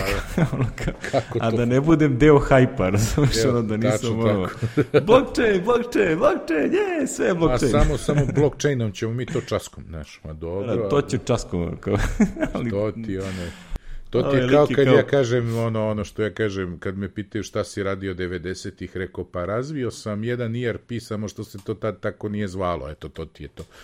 da, da, da. Jebeš ga, to je kad nešto... Uvijek ona fora kad ti napriš nešto, ono što ja stalno pričam o arhitekturi aplikacija, pa onda kad ove, a posle, ne znam, 10 meseci nekog rovarenja, onda shvatim da se to, na primjer, zove interaktor ili tako nešto, taj neki paterno, ja nisam imao pojma da se to tako zove. ali je... mnogo, mnogo, mnogo zvuči onako više profesorskije kad kažeš onako, je, ovaj, kad sam ja krenuo, koristimo interaktor pattern. isto kao kad sam ja krenuo da koristim, da, da, da učim ono, pa sam pisao onu moju čuvenu uh, aplikaciju za praćenje futbalskih, sećaš se moje istorije, pa sam sam pravio indeksiranje to i onda kad sam počeo se bavim baza podataka, pa ja ovo je ono što sam ja radio, znaš, kao, ja nisam ni znao. a? nisam ni znao, je, da, da, eto, to je to, to je ta, spo, ta vrsta spoznaje, da. I sad te nađu ovi što ovaj, propagiraju da su fakulteti neophodni za, za IT, pa da ti kažu kao Aha. jeste, jesi išao na fakultet, ti bi to znao. bi to znao da pa nije bilo znaš u moje vreme nije bilo Nije ono što baš. sam ja teo da studiram znaš studirao Ja znam, sam ja ali problem. me ništa nije naučilo šta više ovaj e, jedan i ra- uslovno rečeno računarski ispit me i otero s fakulteta definitivno ali dobro Ovaj, to je Mene nije, mene oterala elektronika, ali dobro. mene Dveraj mi oterao, ono, eto, sad da me vidi Nedeljko ovde rovarim. Parezanović. Pa i ti ja smo, znaš, žrtve tog sistema, znaš. Ja sam tek nedavno sasno da je, ovaj, ja, trebalo je da odem u Maribor 87. 8. Ovaj, da, da se raspitam kad sam kreten. E, I ti i ja smo, ovaj, da, ti si kasnije, ali ti si, kad si ti upisivo, 90. i 93. treće, da, eto vidiš. Tad još nije bilo to ono što se u svetu zove computer science, tad još nije postojalo kod nas. Tako? Ono, pravi computer science, danas ga ima možda na ovom privatnom rafu, jel tako? I možda još jedan fakultet. Ima, ima na ETF-u, one ceo onaj smer, Ima esi, smer, eto, e, dobro. Da. E, dobro, znači to su konačno stavili. Znači u moje vreme toga nije bilo ni na, znaš, bio je R smer na matematici koji ono, u, u e, r- e, prve dve godine su nam bile iste, a treća i četvrta oni su imali par programskih jezika, a mi smo imali ove silne verovatnoće, recimo. Znači, oni su imali C, prolog, tako nešto, a ja, ali su isto imali analizu 3, kako se zove, Znam, sve te, sve te znam, zato matematičke... ETF. I onda, a ja nisam uspeo da upišem ETF. Meni su rekli šta ćeš ti ovde? kad, su, kad su videli moje, ove, kako se zove, moje ocene iz srednje škole, šta ćeš ti? Pa da probam. Eto, tako je. Pa nemoj. Pa nemoj, ali ja sam probao, pa sam posle u- upisao matiš da bi otišao u vojsku. Ja sam ona generacija što je morala da upiše faks ako hoće da ide u avgustu u vojsku. Svetit će se moji ispisnici, ali, ali da ne pričamo sad te vojničke priče. To je Ne pričamo o baterijama koje se same pune. ne, hoćemo nego nešto je u mom društvu kad neko krene, e, nemoj sada kuvar čata i kantinjer, molim ta. Imamo jednog druga koje svaku priču iz vojske počinja sa kuvar kata, kantinjer, i- kuvar čata, kant, ne, kuvar čata i kantinjer i ja. I onda krene. Rekao je, nemoj sad. E, tako, tako ćemo mi da pređemo na ove baterije koje ja sam se tako primio, a onda sam odgledao onaj video na YouTube-u pa sam se malo oladio, ali, ovaj, ali mi je ideja zvuči kao ono, Što bi rekli, a, sa, sa naučne strane ništa nisu ulagali. E, jedino su propustili da, ovaj, da, da kažu koliki je power output. A koliko Koliko izlazi? to- 100 mikrovati, znači to je ono, Apsolutno smirio. to je ništa, je, znaš, to ovaj, Samo kad pogledaš ono kao to sve što su oni napravili, to sve super, onda kao i to u videu kaže a, pa da, to već postoji 10 godina i navede firmu koja isto Navede to radi firmu sa koja to istim radi i tim outputom, razumeš, ono nevjerovatno. Doduše i nešto manje, znaš, jer ovo je kao u fazonu maltene večito će da, da traje baterija, a ovaj ono je tamo nešto rekao deseta godina ili četrdeseta godina, tako nešto je bilo. Ona, Dobro, među vremenu su upgradeovali pa to bolje radi. Pričamo o takozvano nano diamond self-charging baterija. U stvari, to nije self-charging baterija, to je to je mali non-expiring baterija. to je non-expiring baterija koja ima radioaktivni materijal u sebi, je li? I ovaj Kako ona se shvati, oni oni uzmu radioaktivni grafit iz praktično otpad, iz Da, da, nuklearni otpad, da, da, da. I onda ga zamotaju u neki isti grafit koji nije radioaktivan, a onda hvat, ne znam kako uspeju da navataju tu radijaciju i onda pa parče toga nešto ovaj, se pre, promeni u energiju i to je to toliko mizerno i malo ovaj, da stvarno tih 100 mikrovata, mislim, znaš, kad pogledaš ono telefon ima 3000 mili, milivata, onda ovo stvarno smijurije, znaš. A da, nema, nema, nema. Znaš, ono, tim namenama koje se koristi da ti nešto staviš, pa to, ono, znaš, tipa ide u svemir i ovaj, napaja to neko sitno Da, neko, neki, broda, neki okay. sat, nešto, nešto što s vremena na vreme, znaš, Ali revolutionizing energy market malo teško. malo teško to, nećemo još videti.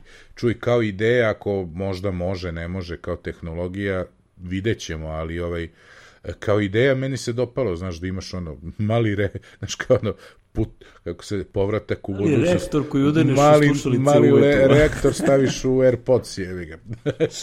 da, da, to bi bilo strava. da, da.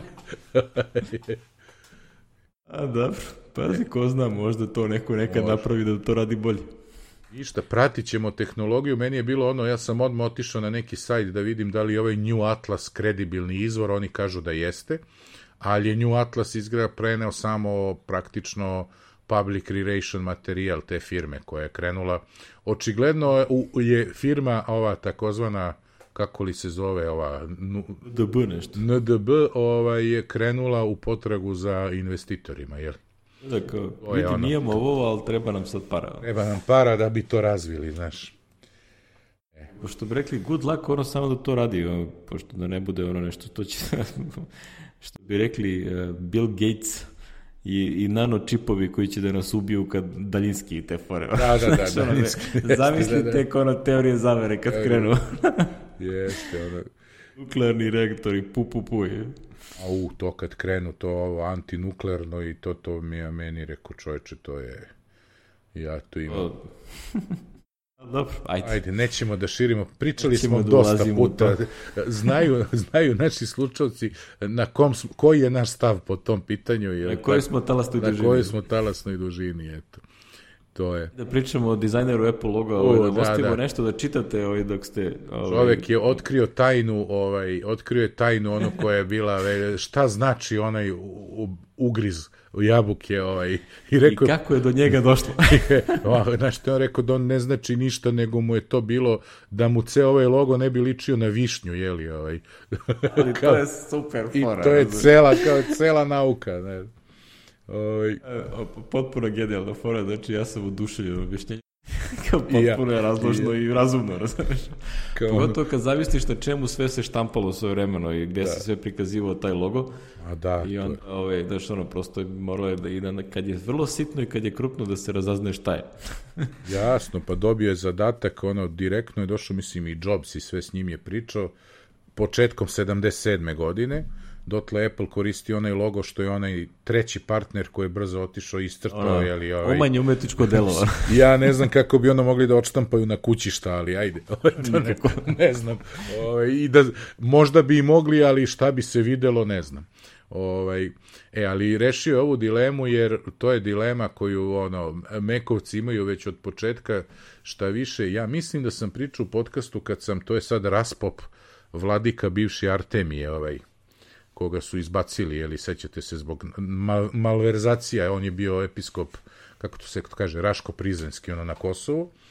E, mene je jedan moj drugar zvao, preko njega su došli do mene 94. godine sam išao u Patrijaršiju da instaliram sistem i nešto, on je dobio, on je i tada još bio vladika, dobio je PowerBook Duo 210, to je onaj PowerBook koji imao i Duo Dock, pa si mogao da ga nosiš, a onda ga gurneš u dok i na doku imaš ono da nakačiš monitor, mre, mrežu i sve ostalo, je li iza, a ovde ima samo taj ono, mislim da je imao na sebi od portova samo jedan lokal talk port da bi mogao možda na štampač da ga negde prikačiš da odštampaš, ovo sve ostalo je bilo u tom doku.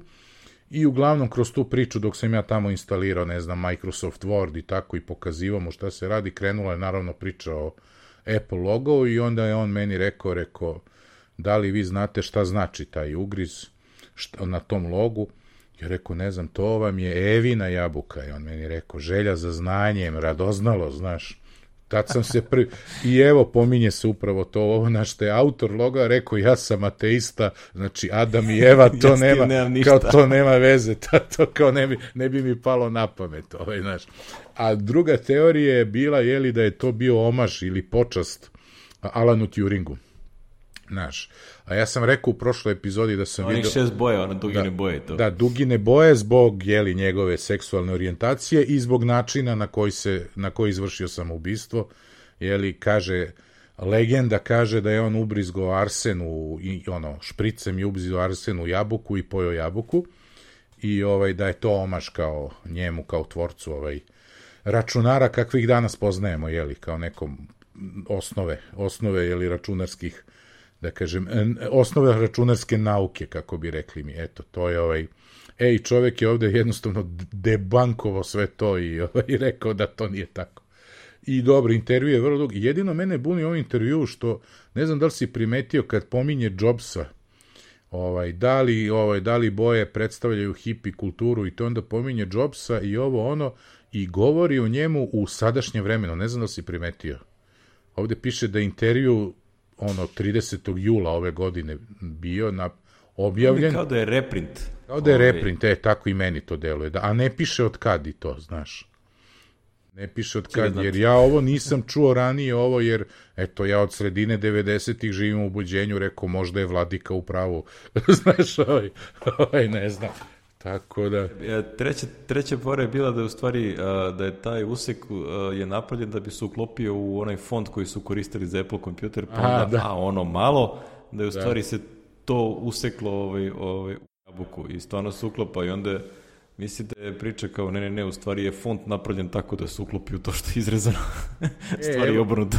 evo ga dole, 3. avgust 2009. Sad sam video. 3. još avgust ga imaš živ. intervju vid Robijanov, to je related post. Ajde vidimo da ide na, ide na isti njihov sad, znači što ti kažeš reprint, da. Plon su ga ponovo da, da, da, da, znači intervju je iz 2009. Eto vidiš, a Dobro, mi Se malo pobrkao CMS. čuj, znaš šta, mi imamo podcast od 2014. da su radili reprint 2015. mi bi se već ovaj, ali da, ovo nisam vidio ranije. Da, to, to doista, mislim si pa intervju, ono kao, ovaj dizajner zvuči kao ono kao skroz cool i gotivna osoba. A. tako da. Lepa stvar. To mi je lepo čitanje za sutra, recimo za ne, ovaj, neko nedeljno popodne ili tako. Z- ono. za, za danas, ako Miki stigne da montira, a stići će. Da, da, da. A stići će, Dok- dok- a stići će. Mi inače snimamo u subotu, tako da stići će valjda. E, ima dva neka stvarčice, ovaj, neki korisni linkovi ko hoće da proba ovaj 90 day free trial za Da, FCP. to, to smo već X. objavili, ali ovdje je interesantno, Rene Riči je, kaže u zagradi u ovom tweetu, kaže da čak i da kad ste koristili trial, 90 dana trial prethodne verzije, imate novih 90 dana za ovu verziju, što je tako super fora od, od sta, sa strane tog zlog monopoliste. Što bi, mogli bi malo češće da objavljuju te verzije. kao da, ajde objavljite svaka tri meseca, tačno 91. dan novi i, ovaj, i onda je super. bi baš lepo s njihove strane da to urade, ali dobro. Ja sam ono probao prošli put ovaj, to i odustao sam jer mi je to izgledalo mnogo komplikovano. Ne, probao sam Logic, da. Ali verujem da je, Logic si probao da koristiš. verujem da je Final Cut. Seća, Final Cut je, Final Cut sam ja koristio ovaj, uh, par puta za, za montiranje videa i da ti kažem, u odnosu na recimo Sony Vegas kad sam probao, ovaj, na, na, na Windowsu, ovaj, ovaj desetka, znači ova nova verzija Final Cut Pro je prilično logična, razumiješ, znači što su radili onaj veliki rewrite od FCP 7 na X, to jest na 10, da, da, ono. je, uh, i- ima smisla. Mislim, ono, Ne, ne, im- da je bio veliki šok za one koji su Jeste, koristili za one koji su očigledno- dotle koristili, koji su navikli na staro i koji su navikli na neke druge softvere. Evo i Dan Benjamin je pre par meseci bio kao ja, probao sam, pa je počeo da koristi Premiere, pošto on opet objavljuje neke videe na YouTube-u. Sad Da, počeo da, da, da, da opet nešto radi. Da, i ovaj, ali je bio rez i ljudi su imali kritike, neke su bile osnovane, neke ne. Mene recimo, ja i dan danas mi nije bila jasna e, ta kritika kao što ne može da importuje stare fajlove, jer ja sam imao iskustvo iz tog, nisam jeli video montažer i to, ali meni je bilo nelogično iz tog posla šta ja imam da otvaram stari projekat u ovaj, od pre pet godina u novom Final Cutu, mislim, to je snimano nekom tehnologijom razumeš, koja je stara, što bi ja sad to na novo montirao u novom, znači, vjerojatno sa Apple tom logikom, ali oni su u nekom od update-ova je to omogućeno, znaš, taj... Ste ste vratili to kasnije? Ovaj, Kasnije kao ajde, ali su naravno da nisu vratili, ne znam, ingest sa Betamax traka i tako te stvari, to, to stvarno niko više ne, ne radi ovaj, nigde, znaš. Aj, tako da... Interesantno je kod tog Final Cut te cene od 300 dolara, te, te Da, bre, ti dobiješ alat, to je... To košta, inače, tačno koliko košta ovaj Black Magic, ovaj mm. DaVinci Resolve. znači, DaVinci Resolve ovaj, je free, ali ako hoćeš da koristiš ono multi-stream ili ne znam šta već, ono, te neke napredne mogućnosti, onda je 300 dolara isto. Tako da možda ovaj trial je onako otprilike ono, ovaj, pokušaj da se ono ponudi free verzija, a da, ne, da nemaju zaista free verziju. Zna, nije bitno mnogo. Ovaj, kome treba, koga zanima video produkcija, editovanje i ostalo i hoće da vidi kako to izgleda. Ovo je super profesional alat koji može se koristiti ono za tipa Hollywood blockbuster i te varijante. A, probajte. Ove, možda vam se svidi. Meni se svidelo, ja sam probao. Dodaš u DaVinci Resolve, ali je simpatično. Da, dobro. Svašta možda ukombinuješ. Da. A, takođe ima neka promocija za hostovanje. Da, da, tako? za hostovanje Mac Mini. Ono, treba hosting housing, na Mac Mini. U stvari housing, znači što se kaže u Mac Stadium, odnosno to je bivši, ovo sam ja video na Twitter nalogu ovog Briana Stakija, je li tako, koji je bio onaj Mac Mini Colonet. Ovaj, Svi čak da su sponzori, bre, Derek Fireball sad baš za ovo. Jesu, jesu. I ovaj, daju do kraja godine, ja mislim da ima do kraja godine ili do kraja meseca, nisam vidio dobro, ovaj, promociju, ako vam baš to treba, umesto 80 dolara mesečno plaćate 40 dolara mesečno.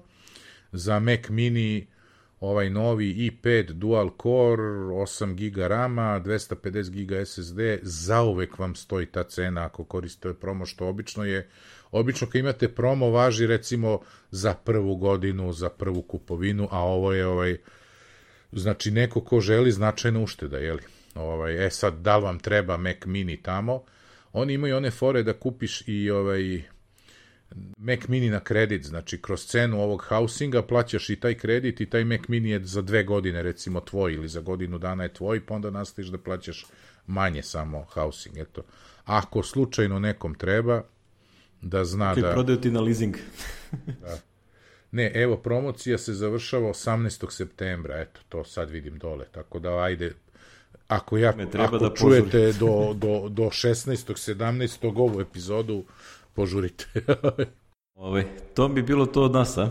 pa nije, ima još, ovaj, da kažem, e, da se nebo otvorilo, je li, ono što sam twitovao, problogovo, kako, što si, kak, kako si ti ono rekao? Si Problogovo problogovo je, ovaj, e, tako da, znate, ono što Što sam... propričao pa problogovao. O, ono što sam, kako se kaže, pričao u prošloj epizodi oko onog Mac Minija što sam ga ubacivo SSD, nisam ubacivo, e sad sam lepo sve to sročio u jedan tekst i ovaj krenuo sam u stvari tako da sročim u tekst da, da pročitam da ne bi ovaj nešto propustio oko uputstva, onda sam shvatio da bi to bilo mnogo za podcast i ovaj i za show notes i rekao a već dugo planiram. Seća se da sam pomenuo onaj publi pa ima sigurno više od šest meseci ako ne i, i osam ovaj publi je alat ti koristiš Hugo za ono pravljenje bloga ili kako to CMS-a sa statičkim stranama, a Publi je vizuelni alat za to isto, je li?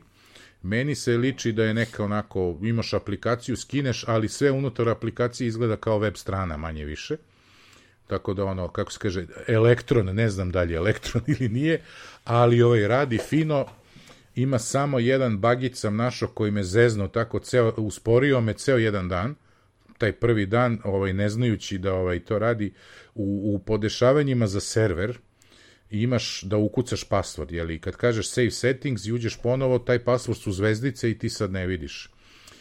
I ako nešto, desi se da nekad kad nešto menjaš u tim preferencama, taj password koji si ti ukucao, on izbriše i upiše nešto Miki, blog, publi, crtica u sam password, a pošto su zvezdice ti to ne vidiš i kad kreneš sync my site i pošto si za, ono, javlja grešku server i same aplikacije probaš, javlja grešku server, onda naš dream host, jeli, ako to uradiš dovoljan broj puta, kao, kao i u e-mailu, kad se nekoliko puta pogreši password, on blacklistuje ovaj, ovu, kako se zove, IP adresu. znači, onda ne radi ti ni SSH, ništa ne možeš par sati i onda probaš ponovo, čim jednom pogrešiš, ponovo ti ovo. I onda sam se ja žalio njima, oni su mi rekli kao, pa kao pogrešni login, jedino zato. I ja provalim da je ovo, znači ima dugmence show password, sva sreća i vidim da stoji pogrešan password. Tako da obratite na to pažnju. Inače je fenomenalan, ja sam uzeo običan template, ima da se kupe neki template i tako da onako realno da nisam imao taj problem sa, sa tim, jeli, da, da mi je bio blokiran pristup hostingu, ja bi završio za jedno prepodne sve. Jeli, više mi je trebalo da, da unesem te tekstove nego, nego da provalim kako se radi sa publijem i da se kome ovaj, povežem. Uglavnom, e, imam dva teksta ili ti tri teksta uglavnom, oko tog minija i uspeo sam onu varijantu da napravim od, od dva minija jedan. Znači, u stari mini koji imao DVD sam stavio ceo taj modul iz Mac mini servera gde idu dva diska, jeli, umesto DVD-a i uspeo sam tako da Petar sada ima Mac mini e, sa SSD-om od 240 giga gde je sistem i, i, i ima disk od 1 tera ovaj, pored toga i to radi da kucnemo drvo, znači moja igranka hardverom je prošla uspešno, ništa nisam uspešno. slomio, ništa nisam izgubio, tako da je ovaj... To. Nice. Eto, to je, i bit će sad na blogu kad se setim, pisat ću ja tu svašta, ali eto, ovaj, kad mi se, kad mi dune. ovaj, ja, ja inače, ono, moj srpski blog, ono, na, ono, moje ime i prezime, ono, .rs, znači ja stavio, moram da... Stavio sam ja link u beleški sada, evo ga, kaže. Najbolje je fora što ja to ne mogu više da postojem ništa, zato što je to ne da nije na Hugo, nego je na onom Octopressu.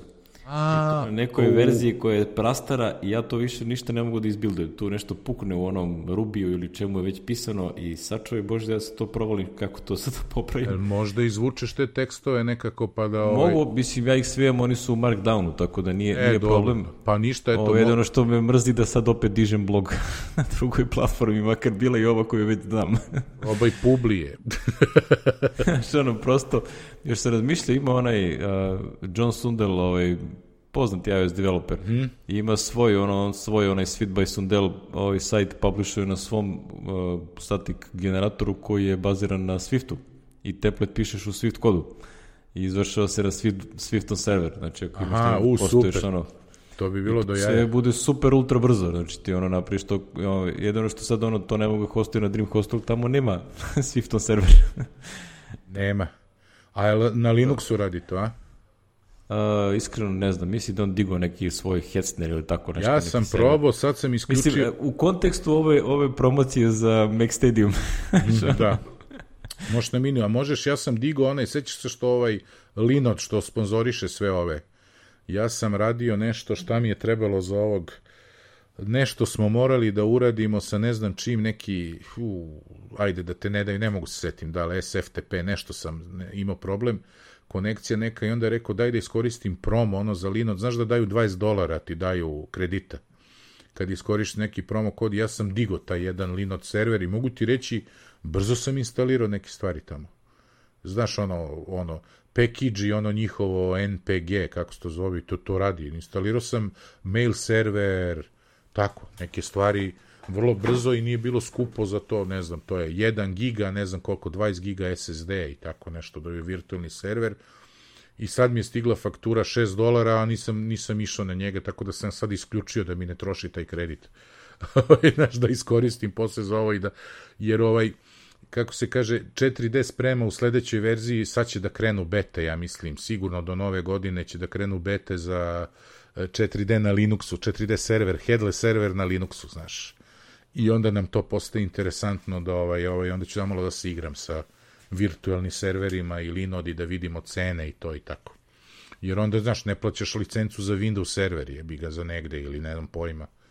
To je jedno, imaš on isto da rentiraš, znaš, ovaj moj drugar što smo radili golf aplikaciju, mislim da on ima Windows server 2012 i da to plaća zajedno sve sa server, ono, troškovi za server lupam 30 evra mesečno, znaš. Naprimer, server je ovo, a renta za Windows je ovo, znaš, pa tako. Da ovde nemaš taj trošak i ovo je Linod, znači, nemam pojma. Tih 20 dolara ti je praktično mesec dana ako bi imao neko opterećenje na ovom serveru, to bi bilo dosta za mesec dana, što nije, znaš, nije mnogo, eto. A imaš i virtualne privatne servere na, na Dreamhostu, ali ne znam sad to da li može to da instaliraš tako lako, ovo ono. Najlakše bi bilo što pojem. kaže Mac Mini na Mac Stadiumu, to, to bi bilo najlakše. Ali dobro, o tom potom, ako tom budem potom. nešto, nešto radi, imam, pre, imam previše stvari ono na, na da, da, u, back, u lista backlogu, stvari koje bih želeo da uradim. previše stvari u backlogu, znaš, to je, to je, to je večiti problem naš, da. e, mukice, šta reći? Da, da, šta da se kaže. No, dobro, ovaj, to nam je bila današnja epizoda. To je to. 138. Da, ovaj, sad, sad ih onako fino brojimo, ono, lepo, lepo, lepo idu. idemo, da. ovaj, mahnut ćemo moje imenjaki, Aleksandar Ilić, autor Kiloga, Vladimiru Tošiću, autor uvodne muzike, i Saši Montelju, autor umetničkih dela na infinitum.rs gde možete da nađete sve što vam treba ako ste da nam pišete. Sajt nam je lep, nemoj se čudite što se redirektuje koje kude, nije bitno. Nije važno. Radi i dalje i naš je sajt, ovaj, držimo se Simplecasta, tako da ovaj, Da, da, nećemo menjati. Možete slušati i na sajtu ako hoćete.